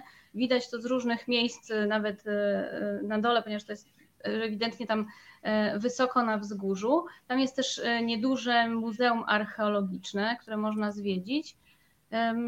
Ja wiem, że no teraz to na pewno tego nie ma, ale w, Lizbonie, ponieważ no, czas jakby do spędzania na świeżym powietrzu E, jest bardzo sprzyjający, to stworzono niesamowity spektakl wyświetleń e, światła, obrazów właśnie w klasztorze karmelitów, który pokazywał całą historię Portugalii. To było, to, widziałam tylko nagrania wideo z tych, z tych spektakli. Tam wszyscy stoją na dole, tak jakbyśmy stali w katedrze, a na tych murach i znowu wrażenie 360 jest wyświetlany niesamowity spektakl obrazami, światłem, z dźwiękiem e, i jak to wszystko wróci, mam nadzieję wróci, cały nasz świat wróci e, i pewnie te spektakle też wrócą, to jeżeli ktoś pojedzie, to szukać tam i pójść na to, bo to jest must see moim zdaniem. Agnieszka, słuchaj, czyta w moich myślach, bo ja dzisiaj przed rozpoczęciem dzisiejszego spotkania myślałam sobie, czy będą śluby świętego Antoniego w czerwcu. Niezwykła tradycja i chciałabym, żebyśmy o niej trochę powiedziały. Agnieszka napisała, dziewczyny, w tym roku nie będzie w Lizbonie wielkiej festy czerwcowej Santo Antonio. Weronika, nie wiem, czy kiedyś odwiedziłaś Lizbonę w czerwcu. Tak, byłam ten zapach, nie chciałam powiedzieć krewetek, nie krewetek, tylko sardynek, który się rozchodzi po całej Alfamie, obłędny. E, no Marta na pewno, oczywiście, że jak Lizbończycy celebrują, to zatrzymajmy się przy tych, bo ja marzę sobie, to jest za punkt honoru sobie stawiam, żeby wpaść do Lizbony w dniu ślubów świętego Antoniego, bo po prostu marzę o zrobieniu fantastycznej sesji zdjęciowej lajeczką, jak te pary wychodzą z kościoła. Powiedzmy Marta, bo ja wierzę, że te czasy wrócą, muszę po prostu poczekać, a e, to, co wyczekane, dużo bardziej smakuje, prawda? Nie wiem, czy to się odbędzie w tym roku. Po prostu nie potrafię e, stwierdzić. Ale powiedzmy, jak to wygląda, bo pewnie się nie odbędzie, tak. tylko jak, jak, jak tradycja e, wygląda. Więc święty Antoni to jest święty ukochany przez lud Lizbony i on jest patronem ludu Lizbony, bo świętym Lizbony jest święty Wincenty. Święty Antoni z Padwy, Padewski, którego wszyscy znamy, tak naprawdę był z Lizbony, i bo się tam urodził. Zresztą dosyć niedaleko e, katedry Se e, jest kościółek imienia święt, e, pod patronatem świętego Antoniego i tak. on jest wybudowany na ruinach domu, w którym się urodził święty Antoni, a święty Antoni był chrzczony jako jeszcze Antoś właśnie w katedrze Se. No i w związku z tym, ponieważ święty Antoni jest patronem rzeczy zaginionych oraz niezamężnych panien, E, to e, święty Antoni jako patron ludu e, Lizbony sponsoruje, można powiedzieć, czy patronuje raz w roku. Jego agentem czy wykonawcą tej woli jest Urząd Miejski. Śluby kilkunastu par, ta liczba się zmienia, 13, 12, 11 i to jest tradycja, o ile dobrze pamiętam, od lat 50. Urząd Miejski ogłasza nabór, można się zgłaszać E, dla par, które nie są w stanie sfinansować swojego ślubu, a bardzo by go chciały zawrzeć. Tam kryteria wchodzą e, raczej socjalne, tak? czyli społeczne, majątkowe, ekonomiczne. I takie e, młode pary mają po prostu wszystko opłacane przez świętego Antoniego, czyli Urząd Miasta to wszystko organizuje, tam jest specjalny wydział w ogóle do rozpatrywania tych wniosków, jest specjalna komisja i wszystko organizują w tym dniu. E, od strojów, od fryzjerów, od y, samochodu. Samochodu. Mhm. Wszystko, co chcą. Tam oczywiście jest, e, to już jest tak e, wszystko medialnie zorganizowane, że jest to no, powszechnie oglądane tego dnia przez, bo wszyscy chcą te panny młode zobaczyć w telewizji, więc to jest na żywo transmitowane w telewizji. Jest dziennikarz, um, prawda, który tam rozmawia z, z władzami, prawda? Tak, to jest na żywo. E, no i odbywa się cały ten ślub w katedrze. Zwykle jakiś ważny dostojnik e, kościelny prowadzi tę mszę i tam są wszystkie te pary, więc to jest niesamowite, że przy ołtarzu jest cały wianuszek właśnie par. Każda panna młoda ma inną suknię, taką jaką sobie wymarzyła. E, I co? Są sponsorzy, wiem, którzy fundują dla tych par na nowe, lepsze życie w przyszłości różne rzeczy, od mebli, przez podróże ślubne, poślubne itd., tak itd. Tak przychodzą też przedstawiciele miasta, ponieważ to jest święto miasta. To jest jakby miasto, społeczność pomaga młodym, którzy chcą wkroczyć w nowe życie, żeby to nowe życie zaczęli. E, na tych mszach też opowiadałyśmy o tym. Bardzo często pojawiają się pary, które świętują jakieś okrągłe rocznice tym samym dniu, na przykład, e, nie wiem, 50. rocznicę albo więcej, i mają jakby odnowienie ślubów. Więc to też jest wszystko dosyć takie bardzo wzruszające.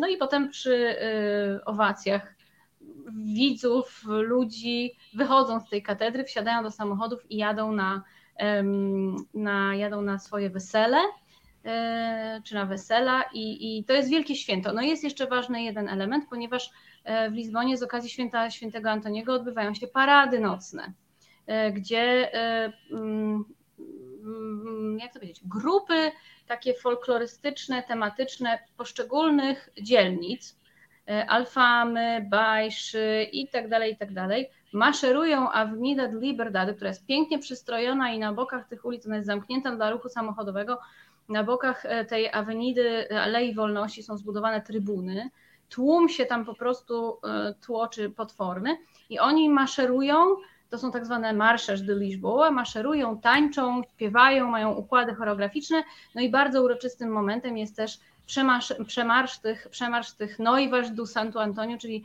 panien młodych świętego Antoniego, Pewnie w tym roku, nie wiem, myślę, że śluby świętego Antoniego może jeszcze jakoś zorganizują. Nie e, Agnieszka napisała, że, że nie, odbędą się, że już jest info, e, oficjalna informacja. Agnieszka Miękus do nas napisała.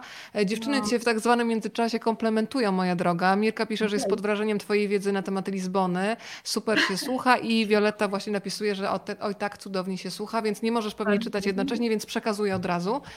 To jeszcze bym chciała się zatrzymać, słuchaj, w jednym miejscu, które bardzo lubię i do którego mnie zaprowadził deszcz i to jest dowód na to, że e, nie trzeba mieć jakichś sztywnych planów i tylko czekać na tą słoneczną Lizbonę. Padał deszcz, musiałam się gdzieś schować i w końcu trafiłam do muzeum. Byłam taka trochę, wiesz, pod prąd, na zasadzie nie będę chodzić po muzeach, ja nie lubię takiego zwiedzania, no ale w pewnym sensie pogoda zadecydowała za mnie i tak trafiłam do miejsca, w którym można zobaczyć między innymi o taką piękną broszkę lalika, kocham ją i obeszłam tę gablotę po prostu z każdej strony, czyli jesteśmy w Muzeum Gulbenkiana.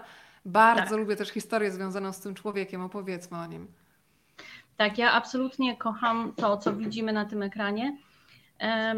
Lizbona jest takim miastem, e, które nie kończy się na Bajszy i na Alfamie i ma różne niesamowite miejsca w różnych innych e, rejonach. I moim zdaniem, jeżeli ktoś sobie zrobi właśnie taką listę sztywną must see, to to może nie odkryć pewnych właśnie takich rzeczy, gdzie, gdzie się. O, przepraszam, bo tutaj coś spada. Panowie, panowie. Tak, panowie, prosimy tutaj, tak. Um, więc y, ty y, znalazłaś się w jednym z moich ulubionych lizbońskich muzeów. Ja to muzeum odkryłam za pośrednictwem jego biblioteki i ogrodów, a potem miałam okazję E, zwiedzać je niejako od kuchni. Muzeum Gulbenkiana e, zostało ufundowane przez niejakiego pana Kalosty Gulbenkiana i od jego nazwiska e, nosi swoje imię. Kalosty Gulbenkian to był na przełomie XIX i XX wieku bardzo zamożny no, biznesmen europejski. Urodził się, był Ormianinem, urodził się w Turcji, potem jego rodzina uciekała stamtąd, kiedy Ormianie byli stamtąd przeganiani i to był, e, Weronika znalazła to gdzieś, e, że był pan 5%. To tak. był człowiek, który zrobił swoją fortunę właśnie na obrocie głównie e, ropą i jakoś tak dobrą rękę chyba miał do interesów, był bardzo skrupulatny, więc przechodząc przez no, dosyć takie burzliwe czasy przełomu XIX-XX wieku, jego, swoją fortunę tylko pomnażał i dobrze nawigował między interesami politycznymi ja tylko na chwilkę wytłumaczę się z tego baneru, który się właśnie pojawił. E, słuchajcie, sama nie wiedziałam, że Wielka Litera zrobiła teraz fantastyczne promocje, bo książka, która e, wyjściowo kosztuje 40 zł, u nich na stronie kosztuje 25 zł z haczykiem I od tych 25 zł, jeżeli skorzystacie do niedzieli z hasła na ucho, macie jeszcze 15% rabatu, więc wow. chyba już taniej Lizbony, miasta, które przytula nie można kupić, więc od razu Wam mówię. E, Marta, chyba się możemy zobowiązać, że jeżeli ktoś po tym momencie kwarantanny, która minie, będzie chciał nas złapać kiedyś na Saskiej Kępie czy gdzieś na Gocławiu, żeby podpisać, to będziemy do dyspozycji, co? Chętnie się spotkamy. No, zgłodniałe. A jeżeli ktoś będzie chciał nawet jakoś teraz, to możemy zachować zasady bezpieczeństwa, e, nie wiem, dwa metry się od siebie spotkać, będziemy przesuwać książki podpisywać, jeżeli ktoś chce, to bardzo proszę.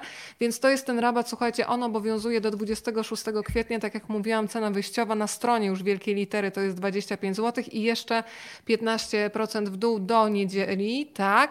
No ale słuchajcie, obiecałam też konkurs, żeby nie, zapomnia- nie zapomniała, bo może ktoś w ogóle bezpłatnie dzisiaj otrzyma od nas książkę.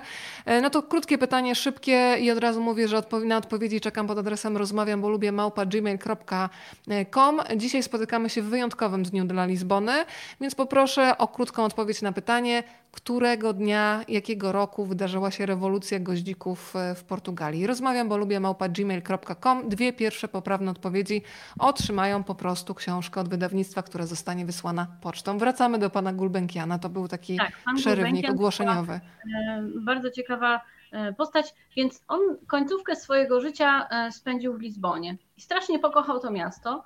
E, a w międzyczasie przez swoje życie gromadził niesamowitą kolekcję sztuki.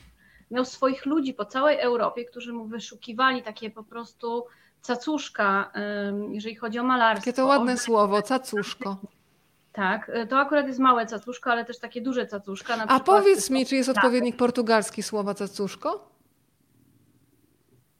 Muszę się zastanowić teraz, czekaj, bo mnie uma coisinha, uma coisinha, uma coisinha gira, uma coisinha, no coś o, jak, takiego. No, je, no, jak to jest takie... Mm. Tak, tak, tak. Um, w każdym razie Gulbenkian w swoim testamencie zadecydował, że całą swoją fortunę przeznacza na to, żeby stworzyć fundację, która się będzie zajmowała krzewieniem e, kultury e, i ta fundacja ma e, specjalnie w Lizbonie postawić muzeum zaprojektowane do tego, żeby ta jego cała kolekcja była tam umieszczona. Jego, e, e, części jego kolekcji były wystawiane w British Museum, były wystawione w Paryżu, w Louvre, w najznamienitszych e, muzeach Europy i on to wszystko ściągnął i kazał właśnie zostawić w Lizbonie i tam można to oglądać, a to, co Weronika pokazała, to jest specjalny pokoik, taka salka, z wystawą Lalika. Lalik to A, był taki mówisz o Laliku jeszcze, okej, okay. dobra. E, Francuz, który e, tworzył biżuterię. On był, jak się mówi, joalieru po, po polsku, taki, co tworzy biżuterię, to jest... Jubiler? Nie. Jubiler, tak. Jubiler, tak? I on tworzył w czasach kiedy sztuka bardzo mocno czerpała z natury, Ach Nouveau, prawda, tutaj mamy, to jest spin, broszka ważka, kobieta ważka, tak więc tam się mitologia z naturą miesza z kamieniami, ze złotem. E, I mnie kiedyś po tym muzeum oprowadzał pan dyrektor tego muzeum, ponieważ ja tam poszłam na zwiady wysłana przez ambasadę, bo przyjmowaliśmy bodajże pana ministra kultury e, albo chyba dyrektora Muzeum e, Adama Mickiewicza. Tomasz pan... twierdzi, że to był pan Broszkarz. I pan dyrektor oprowadzał mnie po muzeum e, od strony swoich ulubionych, było naprawdę swoich ulubionych eksponatów, więc to było absolutnie niesamowite. I właśnie przyprowadził mnie do sali Lalika. I ja się zachwyciłam oczywiście, zachłysnęłam się. E, no i się pytam, czy e, to, były, czy to była biżuteria, której mogła używać żona pana Gulbenkiana. Pan dyrektor tylko tak się uśmiechnął i mówi, jestem pewien, że miała niesamowite niesamowite, jak to się mówi, klejnoty, ale z pewnością pan Gulbenkian nie pozwala. To on to powiedział z, taką, z takim rozbrojeniem, jakbym była super naiwna, że coś takiego w ogóle mogłam powiedzieć. Więc na pewno pani Gulbenkian niestety nie mogła tego nosić. Pewnie ta biżuteria nigdy nik przez nikogo nie była noszona. Słuchajcie, ja widzę, że tu się w komentarzach pojawiają daty, ale ja, słuchajcie, trzeba słuchać uważnie odpowiedzi na adres rozmawiam, bo lubię małpa gmail.com, bo inaczej by była zabawa spalona, jakby się już odpowiedź pojawiła oficjalnie. Więc jeżeli ktoś chce w sprawie konkursu, to przypominam rozmawiam, bo lubię małpa gmail.com. E, proszę? Czy to konkurs czy losowanie? Konkurs, dwie pierwsze poprawne odpowiedzi. Okay. E, a teraz się zatrzymaliśmy na okienku, okienku z hasłem Bomdia i tak sobie pomyślałam, że te nasze hasła sama zrobiłam, słuchajcie, teraz w oknie w kuchni hasło będzie dobrze, więc wprowadźmy taki element lizboński do naszej codzienności. No to chyba będziemy powoli się zawijać, więc jeszcze wybiorę jedno zdjęcie, które, z którym bym się chciała z wami podzielić. O, między innymi za takim krajobrazem tęsknię, czyli za tym placem nad Tagiem, e, który po prostu tętni życiem, który jest pełen muzyki, pełen ludzi, światła, zachodu słońca i niezwykłego spektaklu, który się dzieje za pomocą chmur i słońca po prostu. E, więc słuchajcie, jeżeli macie jeszcze jakieś pytania dotyczące Lizbony, książki, Marty, słów portugalskich, to to jest ostatni moment, ponieważ słuchajcie, rozmawiamy już godzinę 39 minut. Poszłyśmy po prostu dzisiaj na rekord.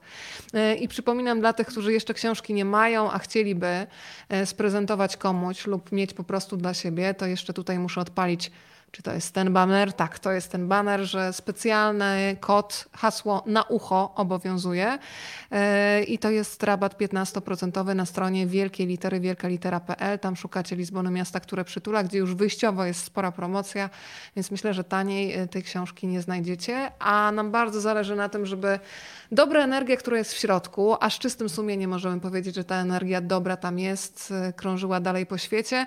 Marta, ja Ci muszę podesłać swoją drogą dzisiaj wieczorem trochę maili, które przychodzą na skrzynkę Rozmawiam, bo lubię tych, którzy już czytali książki, wow. bo to są takie wzruszające momenty, kiedy czasami piszecie, że macie wrażenie, jakby ktoś wszedł do waszej głowy, bo to jest pewien bardzo podobny sposób odczuwania świata i tego miasta, bo to jest tak, o czym mówi też Andrzej Jakimowski w naszej książce, że są tacy, którzy od razu kupują magię Lizbony i tacy, którzy, na których ona nie działa, więc ja wierzę w to, że każdy ma swoją Lizbonę, ale te maile, kiedy opisujecie swoje wrażenia, kiedy podrzucacie kolejne e, lektury, którym warto poświęcić swój czas, komiksy na przykład, które pokazują e, Lizbonę zimą. Ja na przykład e, o komiksie jednym, o którym jeden z panów mi wspominał, nie słyszałam.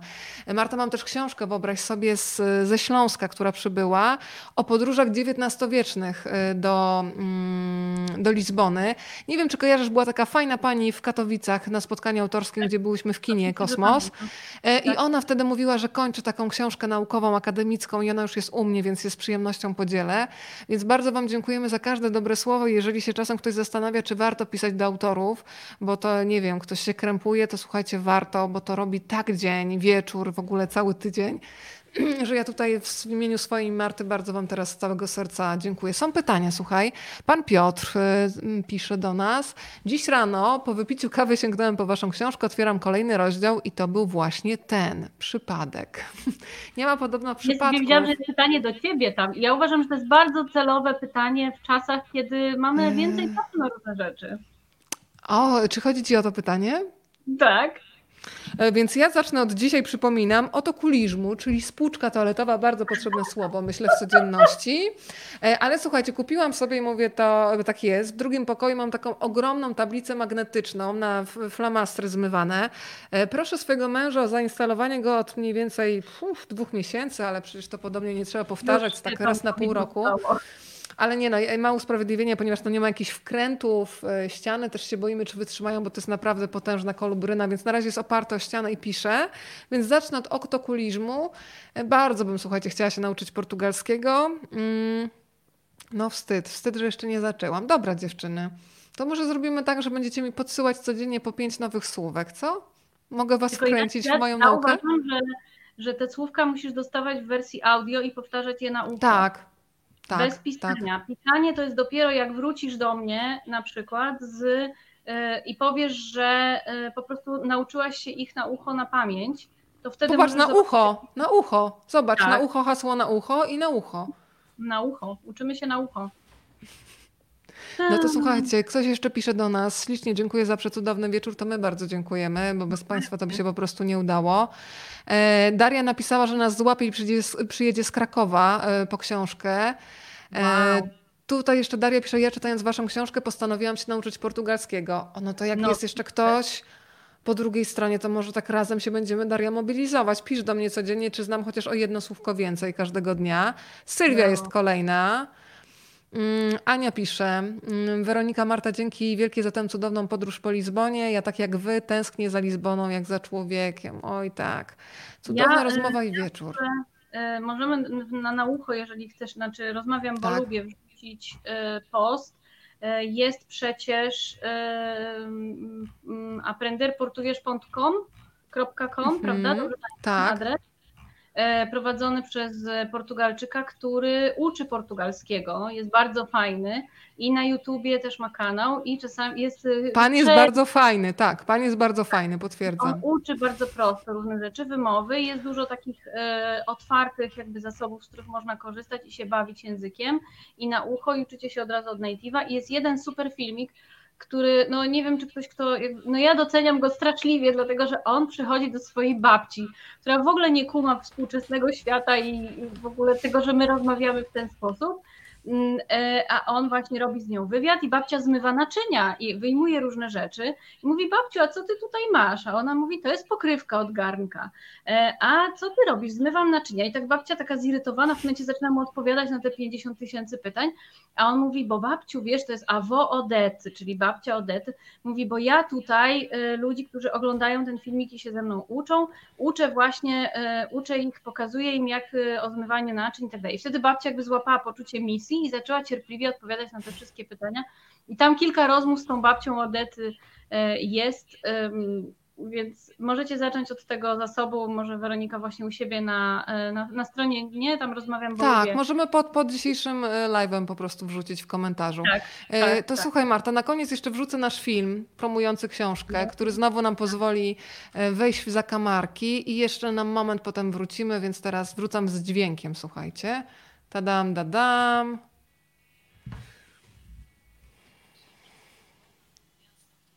Nie słychać dźwięku. Jest bardzo cicho.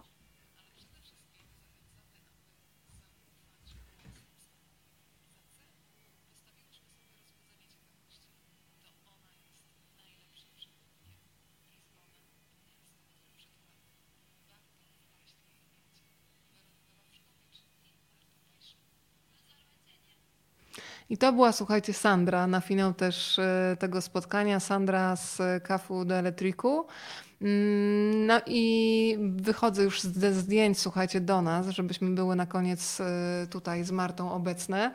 E, Szacunek Marta za super wiedzę od Krzysztofa tutaj przekazuję.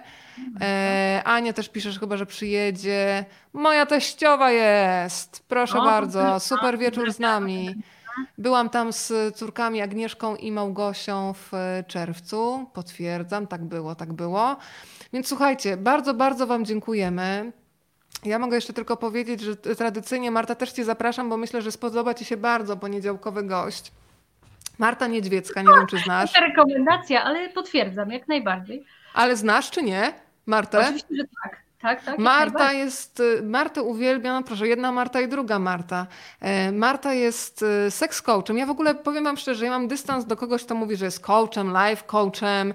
Czasami tak biorę na dystans, ale kiedy Marty posłuchałam e, w jej fantastycznych podcastach o zmierzchu, to to jest kobieta, która nie tylko mówi świetnie o seksie, ale ona przede wszystkim mówi o tym, jak się dogadać z własnymi emocjami, jak się zadomowić w swoim ciele, o tym wszystkim, co wypieramy. Dzisiaj czytałam też fantastycznego, słuchałam fantastycznego odcinka dotyczącego finansów, o tym, dlaczego my na przykład jako kobiety mamy problemy z tym, żeby wyceniać swoją pracę. Na przykład mężczyzna przychodzi, prosi o, y, ma naprawdę konkretne żądania finansowe jakoś nie ma wyrzutów sumienia, że on powiedział za dużo, czy nie za dużo krzyknął. Bardzo fajny odcinek. E, Też y, słuchałam dzisiaj odcinka o tym, jak to jest, jak my wypieramy mm, niektóre uczucia i potem one nagle eksplodują w ogóle w przedziwnych sytuacjach, więc y, Marta Niedźwiecka jest dla mnie takim człowiekiem od poukładania emocji. E, Ja lubię po prostu posłuchać mądrego człowieka, więc dobieram tu jedną Martę mądrą, drugą Martę mądrą i będę się tak po prostu dzielić tutaj e, z całym światem. Słuchajcie, wracam do komentarzy, bo jeszcze coś piszecie. Przyjemny wieczór, dziękuję. Właśnie na jutro mamy bilety lotnicze do Lizbony. Niestety trzeba wyjazd odłożyć, szkoda. Maciek, to co wyczekane dużo bardziej smakuje. Musimy się trzymać tej jasnej wersji świata. Yy, Ja wierzę w to, że dobry kiedy... termin to jest końcówka września albo w ogóle To wrzesień. prawda. To jest bardzo dobry termin, więc miejmy nadzieję, że się świat do tego czasu otworzy trochę bardziej. No to co, Marta? Dziękuję Ci bardzo za dzisiejszy wieczór. Ja dziękuję. E, Za otokulizmu też e, bardzo dziękuję. Proszę dzisiaj pamiętać, że jak będziecie wchodzić do toalety, to nagle jest takie piękne urządzenie jak okotulizmu, czyli spłuczka. Powiedz ładnie. Otokulizmu. No, no, trochę inaczej brzmi to w, Martach, w Marty usta, ale będziemy, tak jak wspomniałam, ćwiczyć, trenować i być może za trzy lata e, będzie to wyglądać trochę inaczej. Język chiński, to jest język do nauczenia się pół roku. Przyjmuję w takim razie, na ambicje to biorę. Ściskam bardzo mocno Martę i wszystkich, którzy byli po drugiej stronie. I od razu mówię, że jeżeli chcecie przekazać tę rozmowę komuś, e, kogo dzisiaj na żywo nie mogło z nami być, to będzie taka możliwość. To spotkanie będzie zapisane i zarówno na, YouTubie, jak i tutaj na profilu Rozmawiam, bo lubię, będziecie mogli do niego wracać. Do usłyszenia, do zobaczenia, do poniedziałku. Do zobaczenia. Pa. noite. Pa, pa.